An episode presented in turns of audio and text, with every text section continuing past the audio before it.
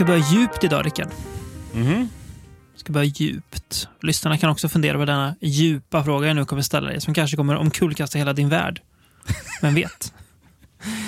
Vad... Det eh, finns risk att det här avsnittet kan omkullkasta hela min värld. Ja, och eh, lyssnarnas. Eh, vad vill du bli ihågkommen för när du eh, lämnar detta jordeliv? Va- Var det en fråga till mig? Eller var Ja. det någonting från en intervju? Nej det, var, nej, det var en fråga. Är det det här avsnittet kanske? Ja, ja det, det, det låter som en bra, bra, bra Ja. grej. Ja, Jag, kan inte. nej. Eh, det finns ju människor som är ihågkomna för eh, allehanda saker eh, efter sitt, sitt liv. Vi ska prata om en av dessa herrar idag som ju faktiskt dog för, ja, inte riktigt exakt, men inte långt ifrån, tio år sedan. Lägg på typ en månad så är det tio år sedan den här karln eh, begav sig vidare in i det okända. Eh, en eh, italienare som väl är en av de eh, mer både ö och okända eh, kanske italienarna. Mm, mm. För hans mest kända verk har vi faktiskt pratat om en gång i podden för länge sedan. Eh, en så, liten, liten zombiefilm som heter Burial Ground. Ja, burial ground, ja. Mm. ja. Eh, precis. Den, den var ju länge sedan vi såg. Ja, det var det. Det var Eh, det. och det är ju sannerligen en minnesvärd film. Eh, och därför, nej inte därför, men vi, vi tänkte att vi ska ge något slags eh, ska säga, karriärsomfattande avsnitt här över då regissören Andrea Bianchi. Eh, som då är mannen i fokus idag. En eh, herre jag eh, ju har koll på, men jag inser inne på hans IMDB och kollar, har sett väldigt lite av. Mm. Eh. förutom Burial Ground så är det ju bara hans filmer eh, som ofta brukar gå under namnet Kommando Mengele. eh, Jajamän. som, som jag har sett. Det är Angel of Death. just det, så Eh, heter de precis. egentligen. Ja. Mm. Och jag har ju sett två filmer vi ska se idag också, men det är ändå eh, ja, inte ens en femtedel av allt han har gjort om man får gå på IMDBs lista här. Jag tycker är intressant på Bianchi, för jag kan säga att jag har rätt uh, dålig koll på honom som person och sådär. Uh, Mm. Vem han var. Jag tror inte jag har sett eller läst någon intervju med honom. Eh, Nej, han fin- verkar ju ha hållit sig borta från sånt. I alla, i alla Ja. fall av det som vi kan hitta så här, enkelt på Exakt. nätet nu, Precis. många år efter. Det, det kanske fanns massor med tidningsintervjuer och sånt som borta och sånt. Det kanske Mm. skrevs mycket om Italien. Eller inte. Ja. Men- Nej. Men eh, jag, jag kan råda bot på det. Ja, jag du har lite att eh, bjucka på alltså, menar du? Ja, jag har Mm. lite Bianco att bjuda på. Nej, men, eh, det, för du sa att han gick bort eh, Ja, 14 november eh, 2013. 13, gick han precis. bort. Eh, Eh, blev han ganska får- gammal. ja, Eh, han född, ja, precis. Född 1925. Yes. Eh, Så. men jag lyckades gräva fram någonting från, eh, med, med hjälp av den här uh, Web Archive, den way, Wayback Mm. Machine. Mm, just det. Det fanns, ja. det fanns, jag hittade någon pdf som länkades på, på, på Wikipedia. Aha. Som, vad jag fattade, för det var lite, var lite svårt att förstå hela den här grejen. Men så, jag vet inte vad det är från. Det kan vara en intervju för någon tidning eller någonting. Jag, Mm. Väldigt oklart. Mm. För sidan som pdf fanns på, det ger mig ingenting. Nej. Vad står det? LCS Cristoforo Colombo, Ge- Genova. Ja, Christ- nej, det Vad är Cristoforo Colombo? Ska vi kolla det också bara. Eh, djupgräver här i var denna pdf ursprung. Columbus. Ja, Christopher Colombo. Ja, ja, just det. Men jag vet inte vad, vad det är för någonting. Nej.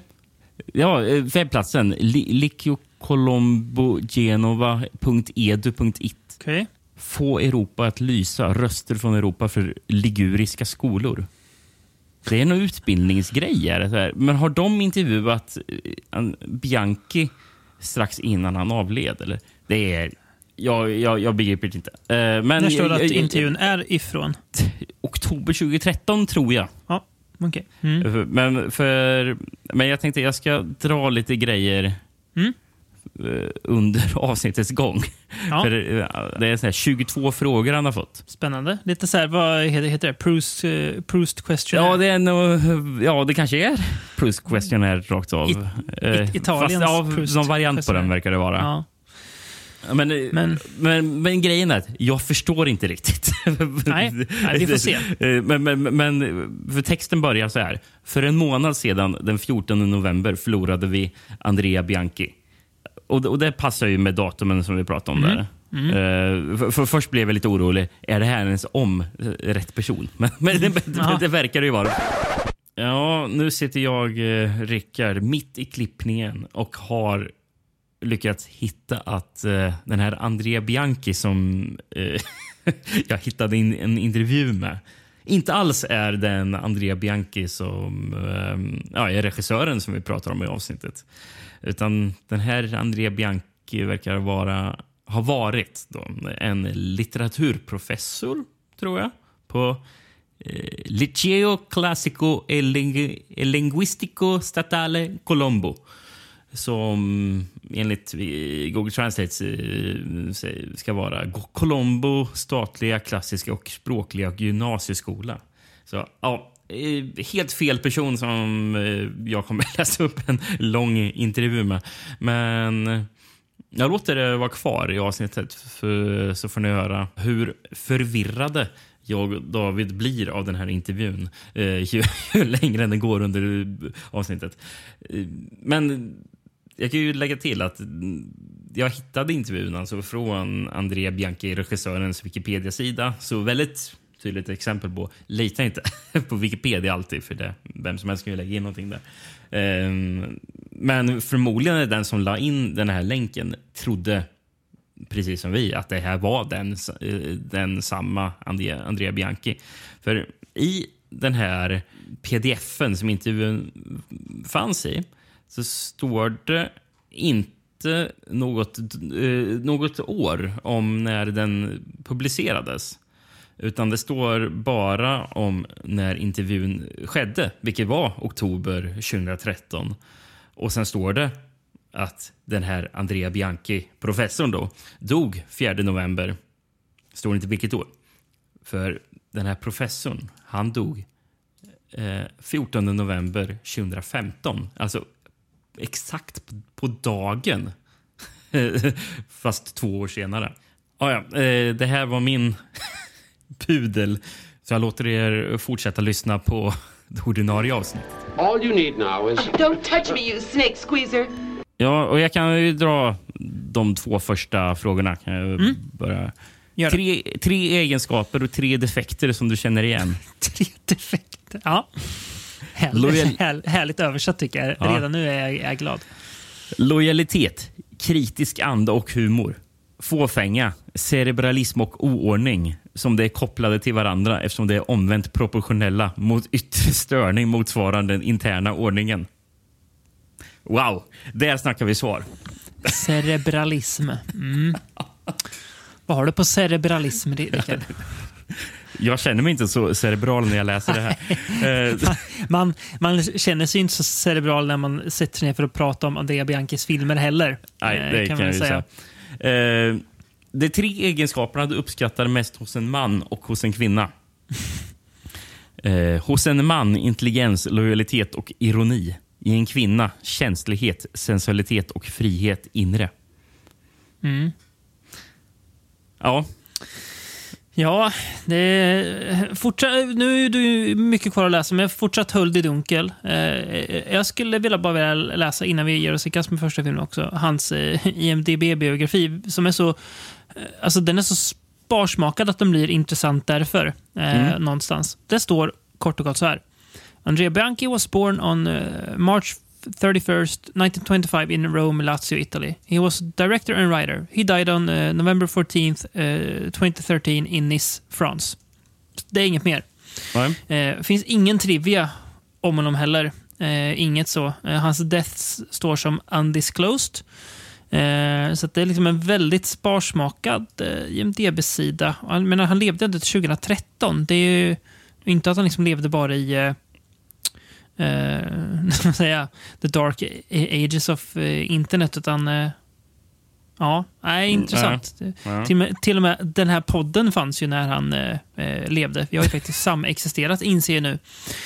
Ja. Ehm, fundera in... Nej, vi tar det sen förresten. Jag tänkte en, en koppling. Men vi kan ta det sen. Vi ger oss i kast med första filmen eh, istället. Eh, från 1972 har jag skrivit. Precis, och det är väl en av hans eh, första filmer också. Va?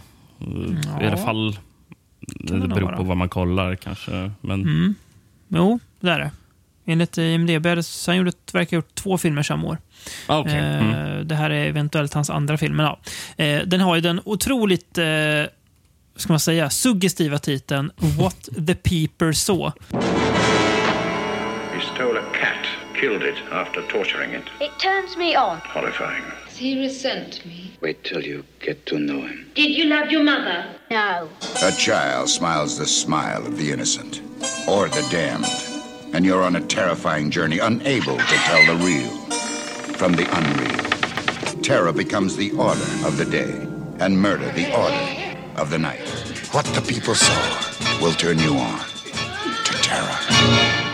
Att, alltså, när, jag, när jag la in den här filmen i listan och tänkte det här kommer vara, så, det kommer vara liksom den slisigaste slis som har gjorts i världshistorien. Vi ska väl se om det är så. Eh, Ja. Har du några alternativa titlar? Eh, ja, eh, jag tror att eh, italienska originaltiteln egentligen var Din nakna närvaro. Mm. Och sen så Spanien Diabolisk illvilja. Ja, bra. Och sen så USA Night Child. Trött titel. Ja, verkligen. Eh, Frankrike Känslorna hos en ung voyeur. Mm. Tyskland Vittnet bakom muren. Ja.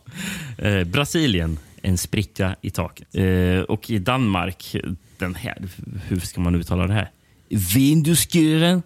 Eh, fönsterkikaren alltså. Mhm, mm, mm. Ja, ja, ja. Mm. det, det var de jag hittade på, på den. Ehm, Det här är det enda jag inte hittade en VHS jag översatt, tror jag.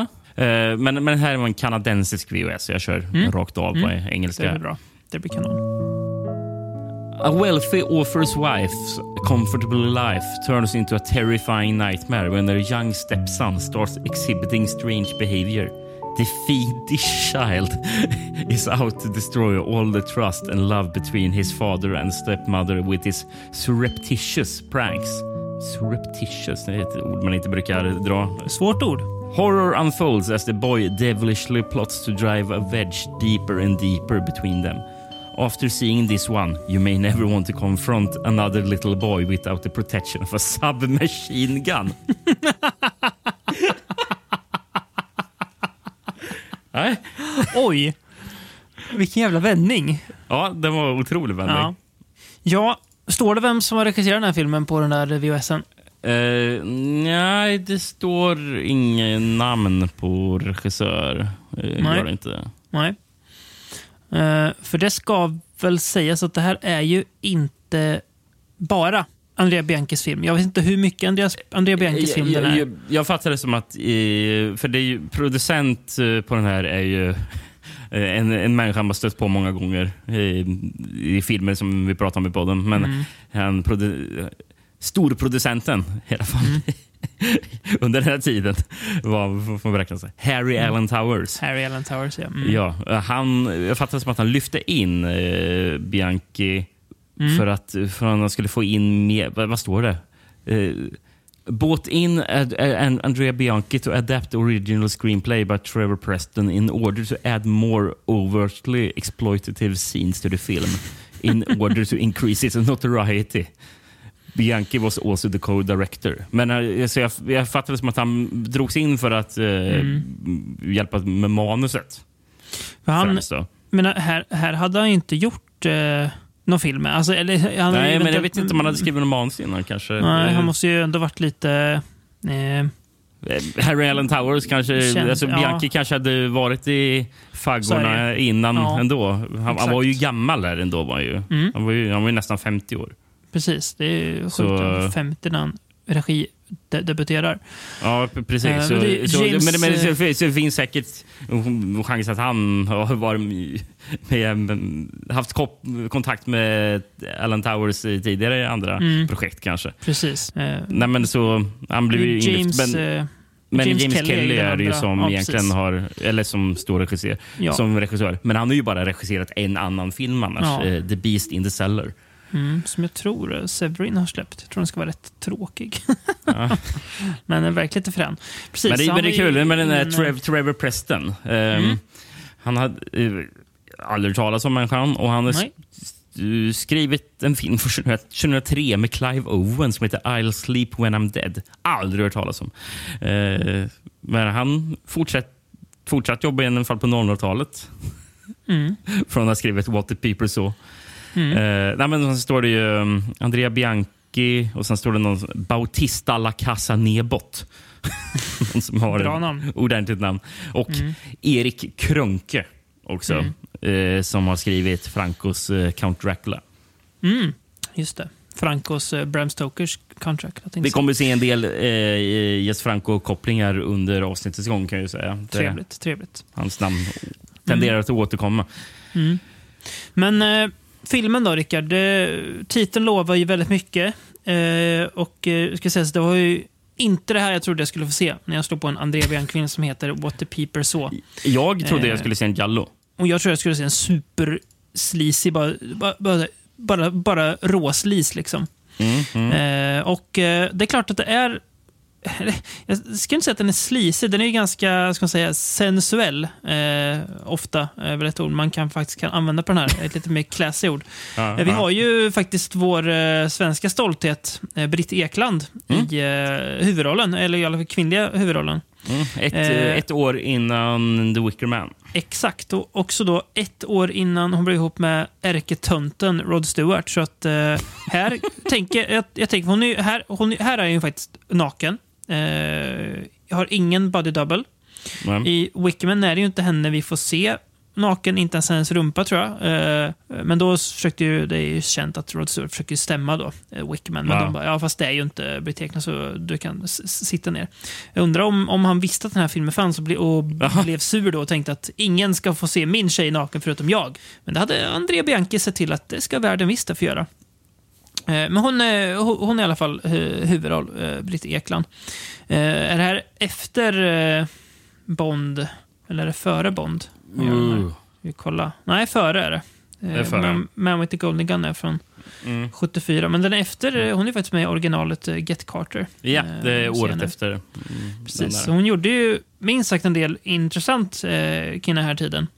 Eh, tänker man ju inte på eh, när man tänker på Britt Ekland. Man tänker typ Wickman och sen tänker man att ja, hon är väl någon, någon trölig bara eh, svensk som bor utomlands. Eh, men det är ju coolt att hon dyker upp här. Mm. Eh, hon spelar då mot Mark Lester eh, som stillbilden på IMDB är sjukt lik, alltså stillbilden för filmen, är sjukt lik Corey Feldman. Ja, han har lite... Tycker det finns Det är där. sjukt att du nämner Corey Feldman, för det finns en... Han var, har nog träffat Corey Feldman, eh, Mark Mm. Lester. Eh, Mark Lester var nära vän med Michael Jackson. Eh, Aha, ja, ja, ja. eh, jag fattar som... eh, Michael Jackson är gudfar till eh, Lesters fyra barn. Mhm. Och, och, och- och Lester är gudfar till eh, Michael Jacksons ba- barn. Okej. Ja, då måste de ju varit tajta då. Ja. Uh, han har inte gjort film sedan uh, 70-talet. Han gjorde någon kortfilm ser det ut som. Uh, 2011, men inget annat. Så han hade ju inte en jättelång liv. Han var barn, barnskådis, Ja, antar jag. ja, precis. Det står att han eh, gjorde sin sista roll 77 eh, i eh, filmen The Prince and the Pauper. Mhm. Låter som en, en eh, gammal Genesis-låt. Ja, det låter det verkligen som. Eh, av Richard Fleischer. Ja, Och vet du vem som är med i den? då? nej. Ernest Borgnine. Eh, Eh, Jag, jag tänkte gissa Ernest Borgnine, men tänkte det är så, så pass mycket cirkelslut det kan inte ja. vara. och, och, och, och Oliver Reed. Det är en film man, jag känner direkt att den måste man ju se. Och eh, George C. Scott. Ja, det är. Ja, det är ju nästan, va- va- varför har man inte hört, hört talas om sån, sån där film för? Och eh, Charlton Heston som Ja, eh, King Hen- Henry VIII. Dunderline Och, Den, och, den ska och, ses. och eh, Raquel Welch och eh, Sybil Danning också. Oj. Vad är det för ja. film? Eller hur? Den vill man ju se nu. Ja. Jag vill nästan eh, stänga av in- inspelningen och sätta mig och kolla på The Prince and the Pauper. Men det ska jag inte göra. Nej, men jag, jag fattar det som att eh, efter han hade spelat in eh, den där, då, Mm. för, för det sa han så här, eh, vad man gjorde efter. I bought myself a Ferrari and set off through Europe for 18 months. Ja. Åkte omkring i 18 månader i, Och sen kommer han aldrig, Europa. all, aldrig tillbaka in i filmens värld. Nej. Nej, men han, eh, han är ju då, han är, vad, kan han vara här? 16, 12, eller 13 menar jag. 12, 12 13 år kanske. Någon, någonting sånt. Eh, han född eh, 58. Ja, 14 då. Ja, okej. ja. Eh, Britt Ekland, 16 år äldre. Eh, och det är, en, det är en väldigt intressant film tycker jag. För det är ju, det, liksom, genom hela filmen så finns det en sån obehaglig sexuell spänning mellan de här två. Eh, inte att Minst sagt. något händer, utan det är bara så här, det är någonting i rummet hela tiden. Ja, det kommer en kyss. Ja, det gör det faktiskt. Ja, det gör det. det, gör på. Långt före den här filmen Birth, som han eh, som gjort Under the Skin, Just det, eh, gjort, ja. som blev lite kontroversiell för att eh, Nicole Kidman kysser en liten pojke i den. Men Mm. eh, det Andrea Bianchi sett till att det har, har gjorts förut på film. Ehm, nej, men det, Ja, man är inte förvånad. Nej, verkligen inte. En jäkligt eh, eh, märklig film det här. Eh, väldigt fascinerande. Det är en långsam film är det. Eh, väldigt, väldigt snackig. Eh, men jag tycker att eh, den, den har onekligen någonting. Mycket hjälps av uh, soundtracket av Stelvio Cipriani också. det gör det verkligen. Det hjälper ju alltid, eh, hans eh, soundtrack.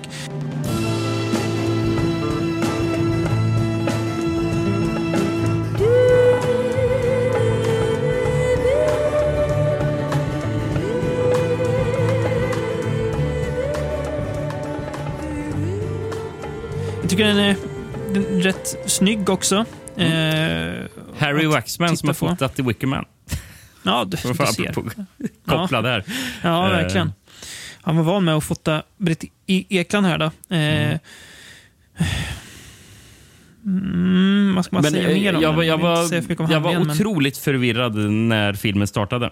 Mm, jag också. För, för den börjar så omedelbart innan det ens kommer någon text eller någonting. Mm. Väldigt italienskt att, att börja så här pang. Ja, eh, men bara pang så är det en naken kvinna som tar ett bad Mm. och sen blir attackerad av något osynligt. Ja, eh, Ser det ut som. och blir mördad i badet. Jag, jag fattar inte vad som händer. Och Nej. det är eh, 40 sekunder in i filmen. Och jag bara, Mm. va, va, va, va? nej den börjar verkligen pang på.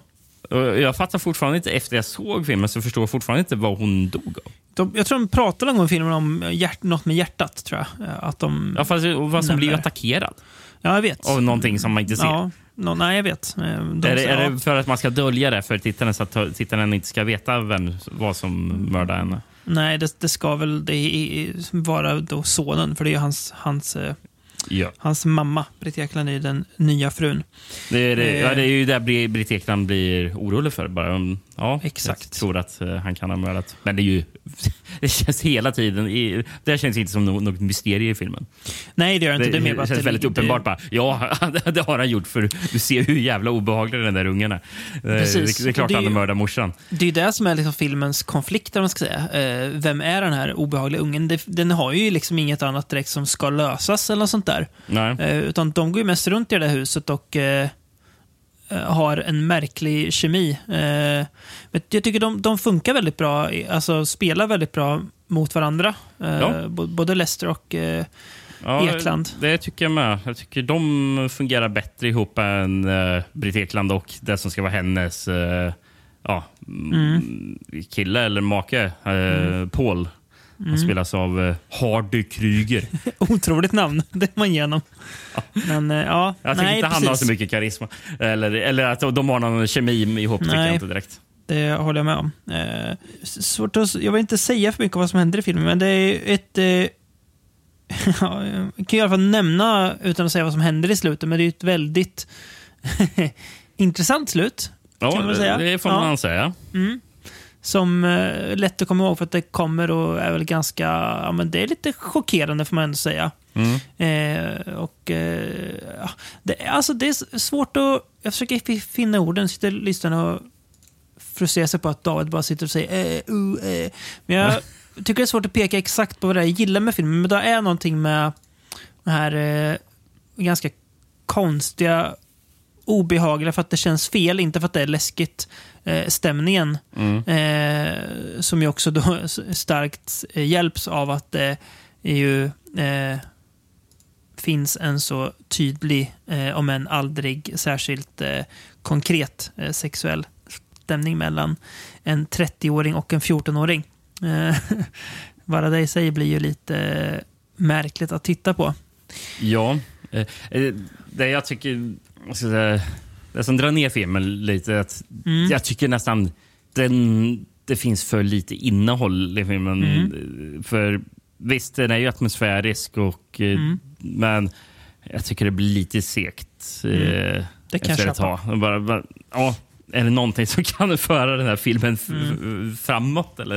Eh, För det, Och det, det, det känns som att gå på lite tomgång ibland. Tycker jag. Ja, för det finns ju faktiskt egentligen, alltså om man ska rent krasst titta på det, ing- inget som direkt för den framåt förutom frågan om vem den här pojken är som sagt. Utan det är ju, filmen är ju bara de två nästan. Eh, hade ju lika gärna kunnat vara ett nästan kammarspel mellan Mm. de två. Eh, Precis. Nu är det inte riktigt det, men det skulle eh, nästan kunna vara det. Men eh, ja, det var något, något jag gillade med den. Eh, men fortfarande mest chockad över att en film som heter, som sagt, som heter What the People Saw, åtminstone direktserad av Andrea Bianchi, inte var snuskigare än vad den faktiskt är. Mm. Jag tycker inte att jag ser eh, Eh, om vad, vad nu Andrea Bianchi är så tycker jag inte att jag riktigt ser det här. Eh, för inte ens när Britt Ekland är eh, näck så känns det särskilt slisigt utan det känns Ja. i brist på bättre ord så känns det här som en, som en vanlig film, man ska säga. Eh, alltså så sett. Den känns inte särskilt italiensk. Nej, nej faktiskt. Eh, Och det kanske är på grund av att det inte är helt italiensk Exakt. bakom spakarna. Och Man kanske kan gissa att Bianchi inte regisserade jättemycket av filmen. Det kan vara så. Eh, Det kommer vi nog aldrig få svar på. nej, eh, känns inte som det. Ska vi gå vidare två år? Eller? Det gör vi. 1974. Och här känns det verkligen som att det är en helt annan eh, Bianchi vi ser. Eh, filmen har ju återigen en väldigt bra titel. Det är ju en, en titel man inte kan hoppa över när man sätter upp ett avsnitt om An- Andrea Bianchi. Cry of a prostitute. For a lousy 25 bucks, some men think they can do anything just to hear the cry of a prostitute.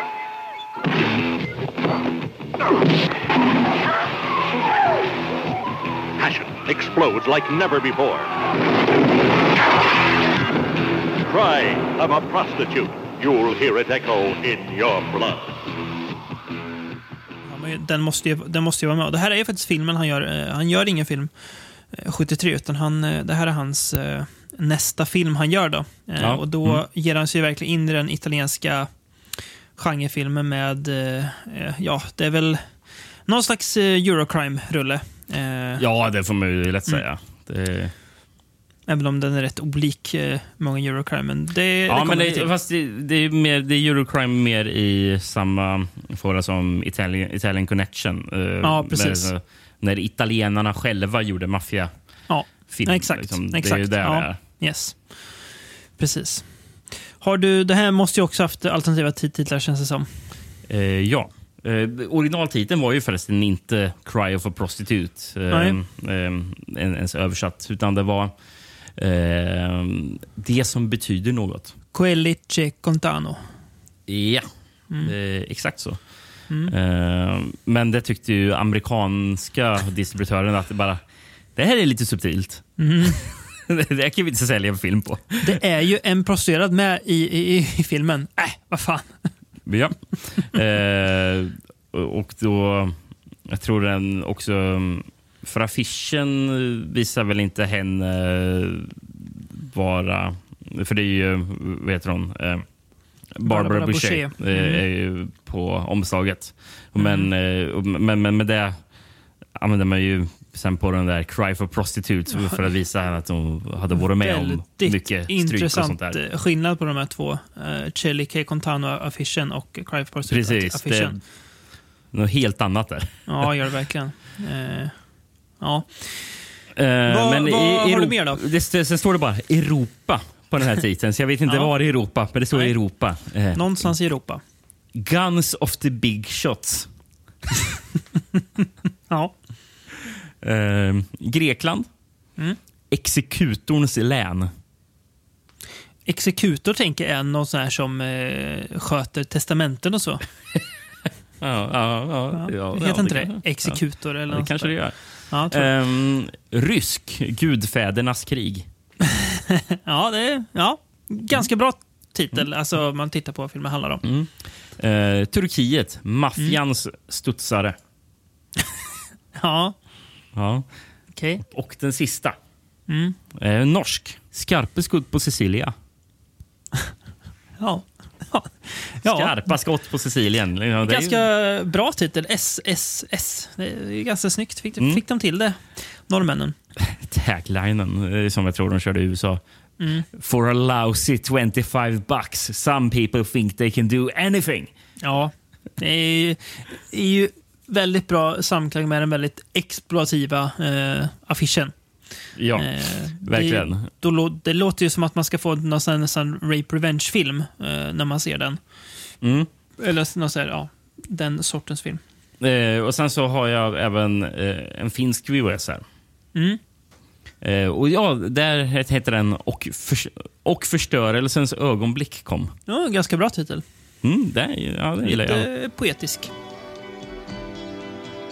En amerikansk gangsterliga skickar sin mest ökända hitman till Sicilien för att lugna ner de krigande drogligorna där.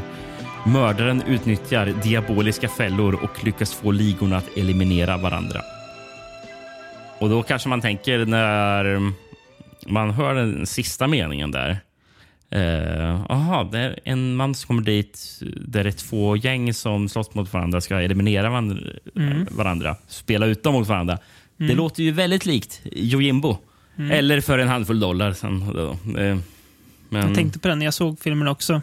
Är det du som... Jag har ju faktiskt inte sett eh, Jojo Jimbo, men det, är, det finns onekligen inspiration därifrån, eller? ja, Skulle du säga? det- ja, Mm. precis. Det, Men det är, det är ju så här, Det är så himla bra grej att göra eh, på film. Alltså det, det är en så bra så storymässig grej att köra. ja, ja. Det funkar är- ju det är så funkar ju så en- bra. enkel premiss. Liksom, som Ja. man, bara, Och så länge det man- man liksom- liksom. klär den i nog unika kläder så kan den ju stå på egna ben. Eh, Ja. ja. Precis. Henry, Henry Silva ska vi säga spelar ju den här eh, eh, lönnmördaren. Då. Eh, Ja, och, och, där har vi någonting som skiljer sig från Jojimbo och även Mm. för en handfull dollar.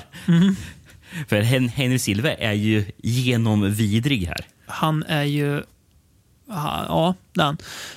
Tänker på det när jag, när jag ser filmen, att Henry Silva måste ju, man tänker på det, liksom Thomas Milian tillhöra italiensk genrefilm eftersom att han jobbar mycket med den absolut översta hyllan. Alltså om man tänker rent eh, hur faktiskt bra skådisar de är. Han är ju väldigt bra.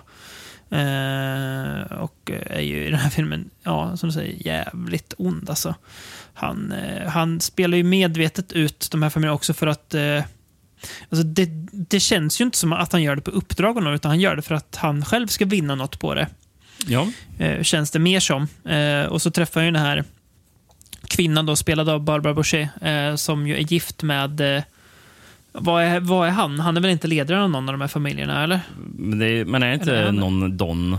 Ja, det kanske är det. Ja. Eh, och hon är ju, hon är ju uppenbart eh, olycklig. Jo men, det, jo, men det stämmer. Fausto Tozzi är det som spelar honom. Ja, det, ja, precis. Då är det ju Don, Don Ja, Ricuzzo. exakt. exakt. Eh, så han, han snärjer ju henne. Eh, och eh, ja, snärjer och snärjer, han är inte eh, särskilt schysst mot henne heller. Men hon är ju uppenbart väldigt attraherad av honom och är väldigt trött på sin man. I, i någon någon eh, sexscen där med eh, hon och hennes man, det här är så uppenbart att hon liksom, eh, ja, ligger med honom bara för att, att hon måste. Det är nästan som att eh, hennes man också lite njuter av att ha den makten över henne. Mm. Eh, och, och ja. Ehm, mm, Då du märker till ett namn, eller det blev ju två namn på karaktärer i den här filmen. Eh, På en, en av eh, Donsens eh, har en dotter. nej. För hon heter Carmella Och sen så heter eh, Henry Silvas karaktär Tony. Ja, vad dum jag är. Ja, ja, ja, Sopranos. nu fatt- ja, just. Ja, ja, ja, ja, ja. Kan Sopranos ha tagit namnet härifrån? Kan de ha gjort Ja, men det blev, det blev så, vad fan. Ja, ja, just det. Carmella, ja. Jag reagerade på det. Haj, haja till det gjorde jag när, när jag hörde det namnet. Ja. Och sen så blev jag påmind och bara, ja just det, fan. Henry heter ju Tony här. Ja, just det. Ja, det var ja, sant. Det tänkte jag inte men nu när du säger det blir det så uppenbart. Eh, också väldigt snygg film. Här. Eh, framförallt är det ju, är ju nästan så här vykortsmiljöer bara de vistas i. Det är ju den sicilianska då, antar jag. Eh, eller är den filmad på Sicilien? Det kanske inte är. Men eh, väldigt vacker italiensk landsbygd i alla fall. Ja, jag, ska se, jag ska se vad Eh, han ser, ser ut att kunna växa mycket olivträd och sånt där får jag nästan vibbar av. Eh, Eh, Den väldigt- är filmad i eh, Rom. Mm. Eh, verkar den främst vara filmad i. Okej. Och eh, Ligurien. Nu vet jag inte vad Ligurien är. Men... Nej, Man har ju oväntat dålig koll på, eller oväntat vet jag, men man har ju dålig koll på ja, det södra. Eh, ligger typ vid Monaco. ah, okej. Eh, så det ligger mot havet i alla fall. Mm. Det, ja. Precis. Men eh, det är ju, filmen börjar ju för, för övrigt väldigt chockerande. När eh, det är ett, ett par som åker bil och ska köra igenom tullen. Japp. Och den, den scenen är filmad i Frankrike. Är den. Mhm, mm, eh, mm. s- Stod det. Eh, för, var där, därför jag kommer att tänka på den. Eh, nej, men, eh, för de kör igenom tullen, sen har man ett barn i baksätet också. Mm. Men om de kommer igenom tullen, det är inga problem. Nej. Och sen så... Jag vet inte hur fan lyckas de? De kraschar in eh, i en eh, grävskopa. Mm. Jag fattar inte riktigt varför de kraschar in. Nej, nej. Men, men, eh, och de stendör ju. Eh, eh, mm, förarens huvud, som är mannen, Mm. han, hans huvud flyger av. Det. är superbrutalt. Där, Mm, det är och bilen sprängs. Eh, och eh, efter det så hittar ju polisen att eh, aha, det här barnet det var ju redan dött. Mm. Dog ju inte kraschen. Och, eh, i, och i barnet så är det heroin som har smugglats. Japp. Fullt med heroin. Mm. Också rätt så grov start på en film. Ja, verkligen. För man, Eh. man, man, får, man, för man får ju se barnets lik som Ja. har, de har sytt ihop Mm. bröstkorgen där de har lagt heroinet i. I bröstkorgen. Det är jävligt brutalt. Det är väl, jag menar, någonstans blir det då också så här att ja, eh, Tony då, han är ju såklart vidrig, men samtidigt de här det, är, det där är ju inte hans verk. Det är ju inte han som har eh, som skeppar heroin i döda barn, utan det är ju maffiafamiljerna. Så att han ger sig in det och liksom söndrar dem inifrån, det är inget man någon gång känner. Stackars, stackars mafiosos, varför går du in och för, för, förstör deras verksamhet? Nej. Utan man kan ju nästan känna att ja, det kan det väl kanske förtjäna då lite, eh, skulle man till och med kunna säga. Mm. Eh, även om man gör det väldigt eh, elakt. Eh, men som du säger, den börjar ju Men, men, våldsamt. men, ja, eller du kanske komma till den grejen jag tänkte. Nej, jag tänkte bara, det är ju en otroligt våldsam film det här överlag. Och Det- väldigt eh, sjuk. Ja, det är den också. Det, är, ju- här, är, det här, här har man ju Bianchis touch, eh, även om den inte riktigt har blommat fullt ut kanske. Eh, men här kan man se eh, Bianchis, eh, som, ja, spåren av Bianchi som sen ska komma. Nej, för jag tänkte, för vi har ju, har ju en scen med, ska man säga, innehåller sodomi och, och ett grislik. Säger ganska mycket va? Det säger ganska mycket. Säger ganska mycket va? Det är som att han, han, han vältrar sig i de här eh, otäckheterna Bianchi. Ja, Eh, och, eh, och sen så, ja, eh, Henry Silva ska vara huvudrollen. eh, Men han liksom håller på och våldtar och eh, håller på i filmen. Bara, okay. Han är helt, han är helt han är inte så skoningslös verkligen. Nej, det finns ju ingen... Så han, alltså, han är ju ren psykopat. Där. Alltså, Ja, är han, är han. han, är ju kanske egentligen värre än de här familjerna. Ja, det är. Eh, den, alltså, någonstans den enda som man väl kan känna lite sympati för är väl då eventuellt Barbara Boucher. Men Och Carmella, ja, ja, som sant. spelas av... Vad, hette hon? Hon hette um, Patricia Gori. Det är, väl, det är väl det som är lite... Är det inte lite Romeo och Julia-grej där? Att, Ja. eh, ja, eh, hon är kär i sonen till den andra eh, Donnen. familjen. Precis. Eh, men det, jag tycker det, är bra att du säger det, att den här eh, känns som Yojimbo och som... Eh, var det för en handfull dollar sa du? Eh, ja. Ja, jag tycker filmen ibland nästan känns i liksom i känslan eller stämningen mer som en westernfilm än en crimefilm. Eh, lite grann att det eh, kommer in en, liksom en, en främmande man eh, och ska liksom eh, rensa upp. Det är någon slags så här, perverterad westernakt. För Han är, går inte in för att göra gott, utan han går in för att göra, göra ont istället. Ja, ja. Eh, jag tänker, det är klart att crime inte alltid är likadant, men det man är van med är att man ofta får följa eh, poliserna som gärna tar till lite ruffa metoder, får gärna spelas av Maurizio Merli. Eh, men här är det ju inga eh, eller ja, det är ju poliser med i filmen, men de spelar ju en ytterst, ytterst marginell roll. Eh, Mm. Ja, att, eh, definitivt. Det, mm. De har inte så mycket att säga, säga till om. Men det känns väl kanske också lite så här, ja men det är klart att när Bianchi gör en, eh, crime, en Eurocrime så är det ju ingen, ingen vanlig Eurocrime man gör inte. Utan då är det något eh, alldeles, eh, alldeles särskilt. Men, men apropå på western, för du sa ju att Mm. den var snygg i filmen och foto är det ju av Carlo Carlini som har fotat eh, The Big Gun Down. Mm. Och även Death Rides a Horse. Så, och han massor med annan western, så han Mm. fotat mycket western, den här eh, fotografen. Sen, vad hette han som gjort soundtracket? Sante Maria Romitelli. Eh, Mm. Gjort soundtracket till Hatchet for the Honeymoon. Okej, För det var det- inget namn jag, jag kände igen, men det var ett väldigt trevligt soundtrack.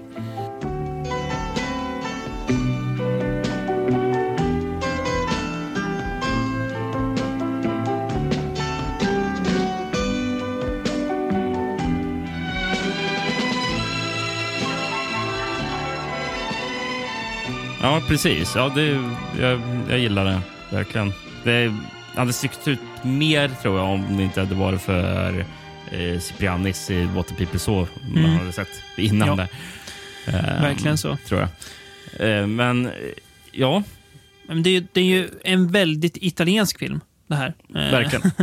man kan säga. Eh, som också har ett väldigt, ett väldigt cyniskt slut. Eh, inget eh, inget liksom solskenslyckligt slut, utan det är eh, rätt hårt och eh, väl ganska bra i enlighet med filmens övriga ton också, ska jag säga. Så att, eh, på så sätt passar slutet väldigt bra Mm, ja, för resten av filmen. eh, jag håller med. Men Piero Regnoli har skrivit Mm. manuset. Vet du vad Piero Regnoli har skrivit manuset till annars? Jag är inte. Burial Ground. Ja, du ser, de hittar varandra redan här. Och även Nightmare City. Ja. Eh, och även Patrick Still Lives. Vilken jävla gubbe alltså. Det är avslutet. Vad vad- är, vad är premissen för Patrick Still Lives? Eh, eh, är det bara att det är Patrick fast i Italien? Eller? Ja, typ. Och sen är ja. det, det, det, det är en riktigt sjuk film. Patrick Still Lives. Det är en riktigt sjuk film. Är det. Jag längtar till vi ska prata om det. Ja, men det kanske, då kanske går hand i hand med vad han har skrivit manus till. Annars, eh, liksom, att, och, och den här filmen, Cry for Prostitute. Ja, alltså, alltså det, är en, det är en riktigt, riktigt sjuk film. Kan jag säga. Men eh, ja. Ja det, det, vi kommer till. Det ska vi eh, inte prata om nu. Men ja, kul att du nämner den Mm. filmen. Eh, det här är också en sjuk film, eh, som du Ja, sa. men in, eh, in, innan vi går till den sjuka filmen, ska jag dra något mer från den där intervjun med Bianchi? Mm. Eh, Men vi, vi, vi kan säga att vi, vi, vi, båda gillar ju Cry of a Prostitute. Eh, Ja, ja, ja, ja, ja, ja, jag, jag trodde du skulle gå över till nästa film. Nej, jag, jag. vi, kan, eh, vi kan väl... Det kan vi ju verkligen enas kring, att det är en väldigt bra film. Ja, det, det, är min, det är min favorit idag. Är det. Mm, det tror jag jag nog också. Det är min objektiva favorit Ja, idag. du, du har en annan favorit som förstår, som inte kanske är av dess kvalitet. kanske. Nej, det, nej det, så, så, så, är, det väl. Eller, eller, eller, här, ha- hantverksmässigt kanske inte. Nej, så är det väl. Så är det väl. Det här är ju... Nej, det är, men, här, och så lätt att tänka att Bianca var väl bara någon liksom dåre som gjorde dåraktig film. Eh, men man får ju ibland gräva lite djupare bara så kan man se att det fanns ju eh, kompetens där också. Eh, Mm. Men ja, bjud lite på intervjun. Ja, eh, alltså, under tiden vi har pratat har jag också kollat upp eh, bild, en- för det var en bild i den här pdf. Och jag, det är så svårt att se, för det är så här, taget snett bakifrån i profil, så jag ser ju bara typ en fjärdedel av ansiktet, om ens det. Och I skugga också. Men jag tycker det ser ut som Andrea Bianchi när jag kollar på bilder och jämför. Så jag tror det måste vara han på bilden. Så Det kan det bara vara. det. Men jag fortsätter med eh, några frågor här. Bjud på. Eh, ditt ideal av lycka? Att alltid ha nya saker att brinna för och alltid ha nya människor, människor, medbrottslingar som man kan dela dem med. Ja, Okej. Ehm, vem skulle han ha velat vara förutom sig själv? En person som levde år 1700, strax, strax före revolutionen eller i Paris under första halvåret av 1900-talet. Eh, tre favoritprosaförfattare. Voltaire, för han lär att för att skriva bra måste du ge upp att säga allt. Proust. Proust questionnaire. Varför lär ut raka motsatsen? Okej. Och Camus och Sartre. Han slänger in en parentes och Sartre. Camus främst svara. För att det lärde mig att försöka vara fri. Han gillar existentialisterna alltså. Och den sista frågan jag tar är innan nästa film. Favoritpoeter? Lucretius, Leopardi och Baudelaire. Så han är riktigt, riktigt pretentiös jävel, Bianchi. gillar jag. Ja, verkligen. Från Battleground till Lucretius är steget aldrig långt. I alla fall inte i Andrea Bianchis värld. Eh, och långt är det uppenbarligen inte heller mellan Lucretius och eh, nästa film vi ska prata om. Som ju, eh, ja, alltså återigen titeln. Eh, räcker för att förstå vad det är vi, vi ska se. 1975, alltså året efter eh, a Prostitute, så ger sig Bianchi in i Jallons värld. Och eh, bestämmer sig då för att varför inte göra en film som heter Strip Nude for your killer. Precis. Det är, det, det, är, det är en titel som heter duga. A shadow in the night. Footsteps on the stairs. The sound of death. Blood to slake the thirst of a human beast. There's very little time to love. It must be done hurriedly, desperately. Because for him, for her, for anyone, an atrocious death may be approaching. Slowly, fearfully, the minutes pass by, and one feels the breath of death on the back of one's neck. An anguished shiver chills the blood. It's the moment of terror. Working title i Italien var modellmördare. Inte lika starkt.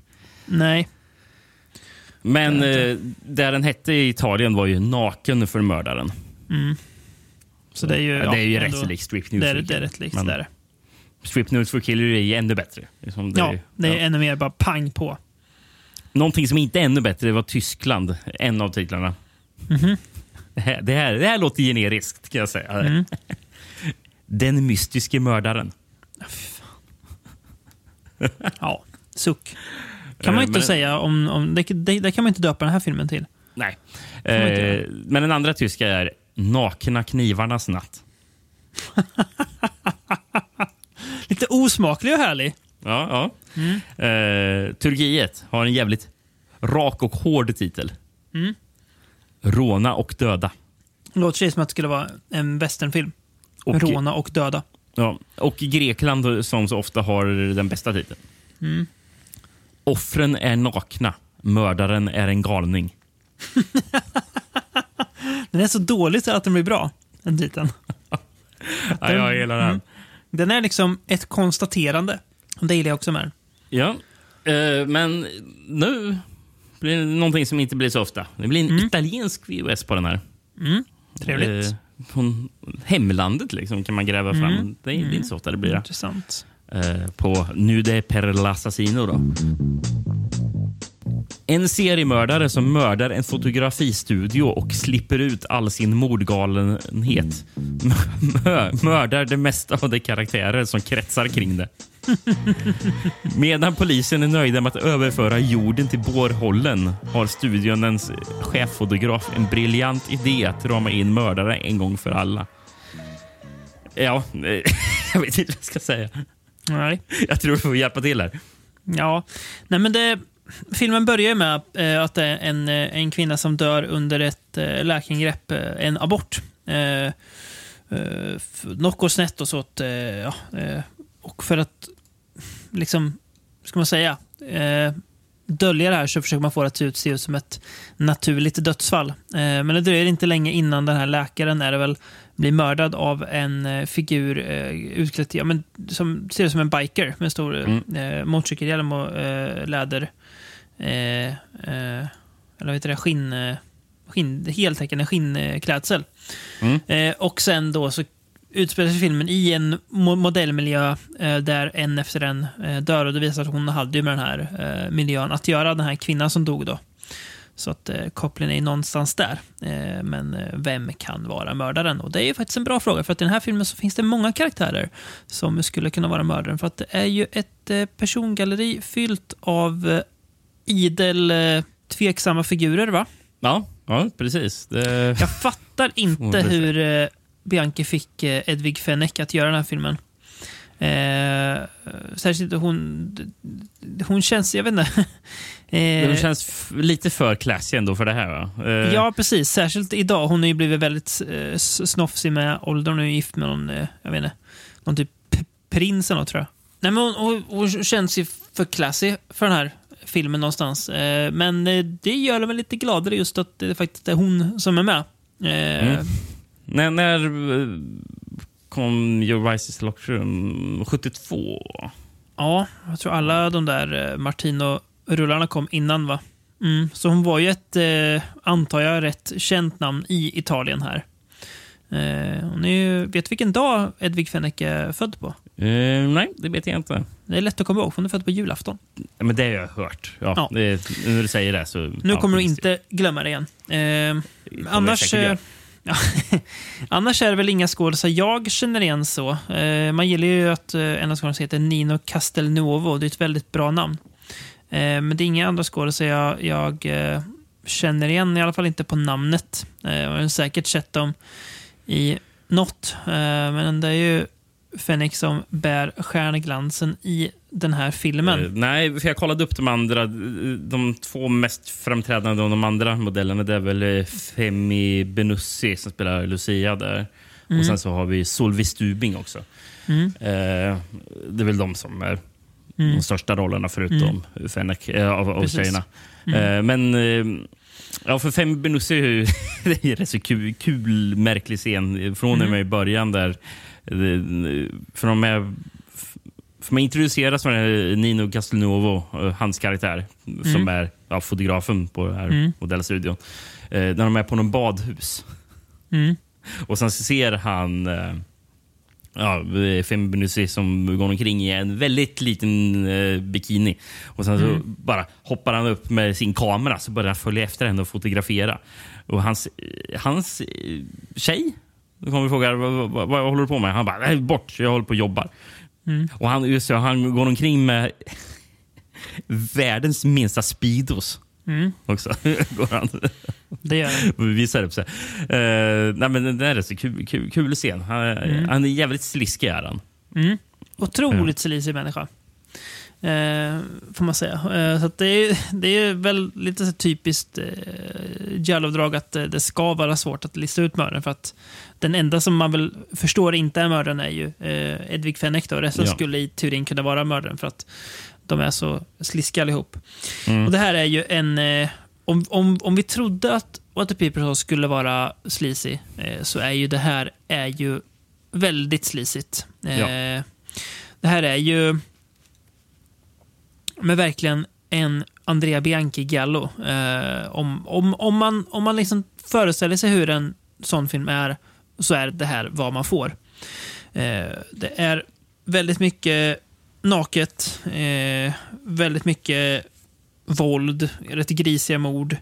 Mycket så här Men det är ju en eh, korpulent herre som är med. Han den där eh, snubben som tar ut tjejer på middag och försöker eh, Ja, vad heter ligga han? med dem. Han har ju såklart en eh, uppblåsbar Barbara hemma. Eh, bara för att trycka på hur pervers han är. Det är alltså, det jag tycker till filmens fördel eh, är att det är ett ändå rätt högt tempo i den. Det är ju nästan, det händer saker hela tiden. Är ganska många mord, inte särskilt många döda sekunder. Men den är också lite för enkel på något vis, filmen. Precis. Eh, Grejen är att eh, just Jallo-genren, det Mm. finns mycket konkurrens där. Det gör det verkligen. Så, och, det, och det gör ju att den här gör ju inte tillräckligt mycket grejer för att sticka ut egentligen. Och det gör Nej. inte grejer tillräckligt bra heller. Det, Nej. Så det är liksom bara... Det, alltså, det, det, det Den, den, är- den är inte varken märklig nog eh, eller kvalitativ nog. Nej. Och Men den är inte dålig, med, den, men den eh, blir så här, landar så här, slags så här, ja, middle of the road jallo blir det. Ja, exakt. Och grejen är att det räcker inte med att den är jätteslisig heller, för att det är ganska många Jello som är ganska slisiga. Så det är ju så här, det är inte att du så här, så här, får något du inte får i andra filmer i den här filmen. Det är bara att du kanske får mer av en sak, men också mycket mindre av andra saker som Mm. jag väl skulle säga är viktigare komponenter i eh, en film. Eh. Jag, jag kan inte säga att min soundtracket heller. Nej, inte jag Det heller. brukar- brukar också vara en viktig grej. Ja.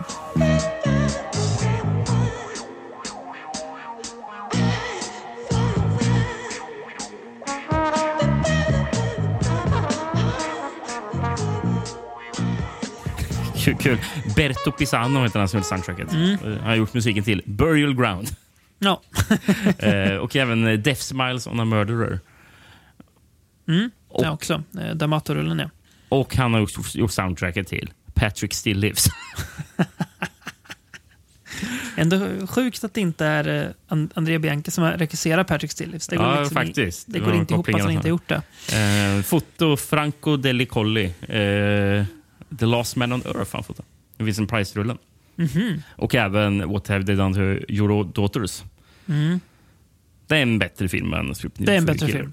Det är det Ehm, verkligen. Men eh, vad var det jag skulle säga? Ja, manus. ehm, så har vi eh, Massimo Felizatti eh, som har mm, skrivit Calling All Police Cars. Den har vi pratat om i podden, va? Mm. Ja. Har vi. Till ja, Eurocrime Japp. avsnitt. Eh, och även The Night Evelyn Came Out of the Grave. Mm. Eh, men den här, den andra killen som har skrivit manus, Mm. Jean eller Chenet. Eh, Jean, jag, jag väljer att kalla honom för Jean. Mm. Det låter bra med am- i- italiensk-amerikanska grejer. Gene, Gene Parmesan. Ja, ja precis. Nej. Jean Luotto Mm. har skrivit Bay of Blood och Strike Commando. Oj, vilka olika filmer att ha skrivit. Bavas Proto-slasher och eh, Matteis First Blood Rip-Off. Ja. Ja, ja. Intressant. Eh, nej, men ska säga, den här filmen, vi har ändå nämnt slutet i de andra filmerna. Den här filmen har ju ett bedrövligt, det är ingen spoiler, men det är ett, ett analsexskämt eh, som kommer ut som är bedrövligt. Är det verkligen. Det bara så här, Jaha. Kan du dra det? Men jag, kan, jag kan beskriva scenen då. Eventuellt Ja. lite, lite spoilers då. Eh, för att eh, ingen av mördarna är Fennec eller Castelnovo. Då ligger de i en säng eh, och har det gött. Och så typ är det som att han då försöker tränga in henne i den delen av kroppen. Och hon typ, åh nej, vad, vad, vad, vad gör du? Och han typ, äh, skojar bara lite grann. Jätte. Jätte, och hon, och hon, och hon liksom skrattar. Så här, ha, ha, ha, gud vad kul. Himla konstig scen. Har, Eh, ja, det det är märkligt. Det finns ju på tal om det en rolig trivia om det här på IMDB. Att eh, under en sexscen mellan de två eh, så blev han eh, faktiskt så det. upphetsad av Fennick att han, eh, han kunde inte hålla bången borta. Eh, det, det gick liksom inte. Han uttryckte det själv att eh, han blev intervjuad och Mm. frå- frågade om den. Och han sa helt plötsligt så, så, så kom Maestro fram. Så jävla italienskt att kalla, att kalla sin kuk för maestro. Fy fan. Ändå lite, det, är ju, det är ju såklart jättesunkigt, men det är också, det är också lite härligt just för att det är eh. Inget, inget annat folk hade kommit undan med det. Det var, det var inte, det var varken Bianchis eh, avsikt att det skulle, det skulle vara någonting. För det är ingenting som är med i filmen. Nej. Och det var inte hans egen avsikt heller. Så det är Nej, därför precis. kan man ju Nej. skratta åt det. Liksom, när det Ja, inte var. och det, det, det gjorde de väl också tror jag. Eh, Det blev väl liksom ingen så här, Eh, troligtvis. alltså, Ehm. obehaglig situation, mer en, en eh, komisk situation. Så det är Ja. lite kul. Men eh, Eh, Förresten, apropå eh, Fenrik. eh, Vet du vad jag tänkte på i den här filmen? Nej. Men, och det är ju på grund av hennes eh, frisyr. Men Mm. med hjälp av den frisyren så vill jag hon är jävligt lik Audrey Hepburn. ja, men båda väldigt så här, klassiska skönheter. Eh, så sett i ansiktsform. Och så. Ja, stämmer. Hon är precis hon är kortklippt här. Mm. Eh, eller väldigt kortklippt här, eh, Fenrik. Eh, är van att se henne i andra frisyrer.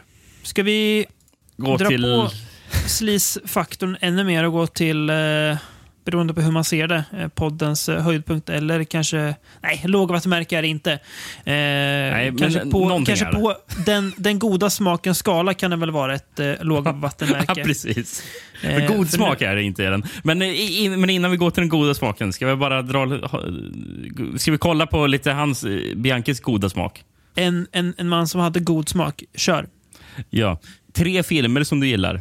Le Mm. Enfant du Paradis och eh, Smultronstället.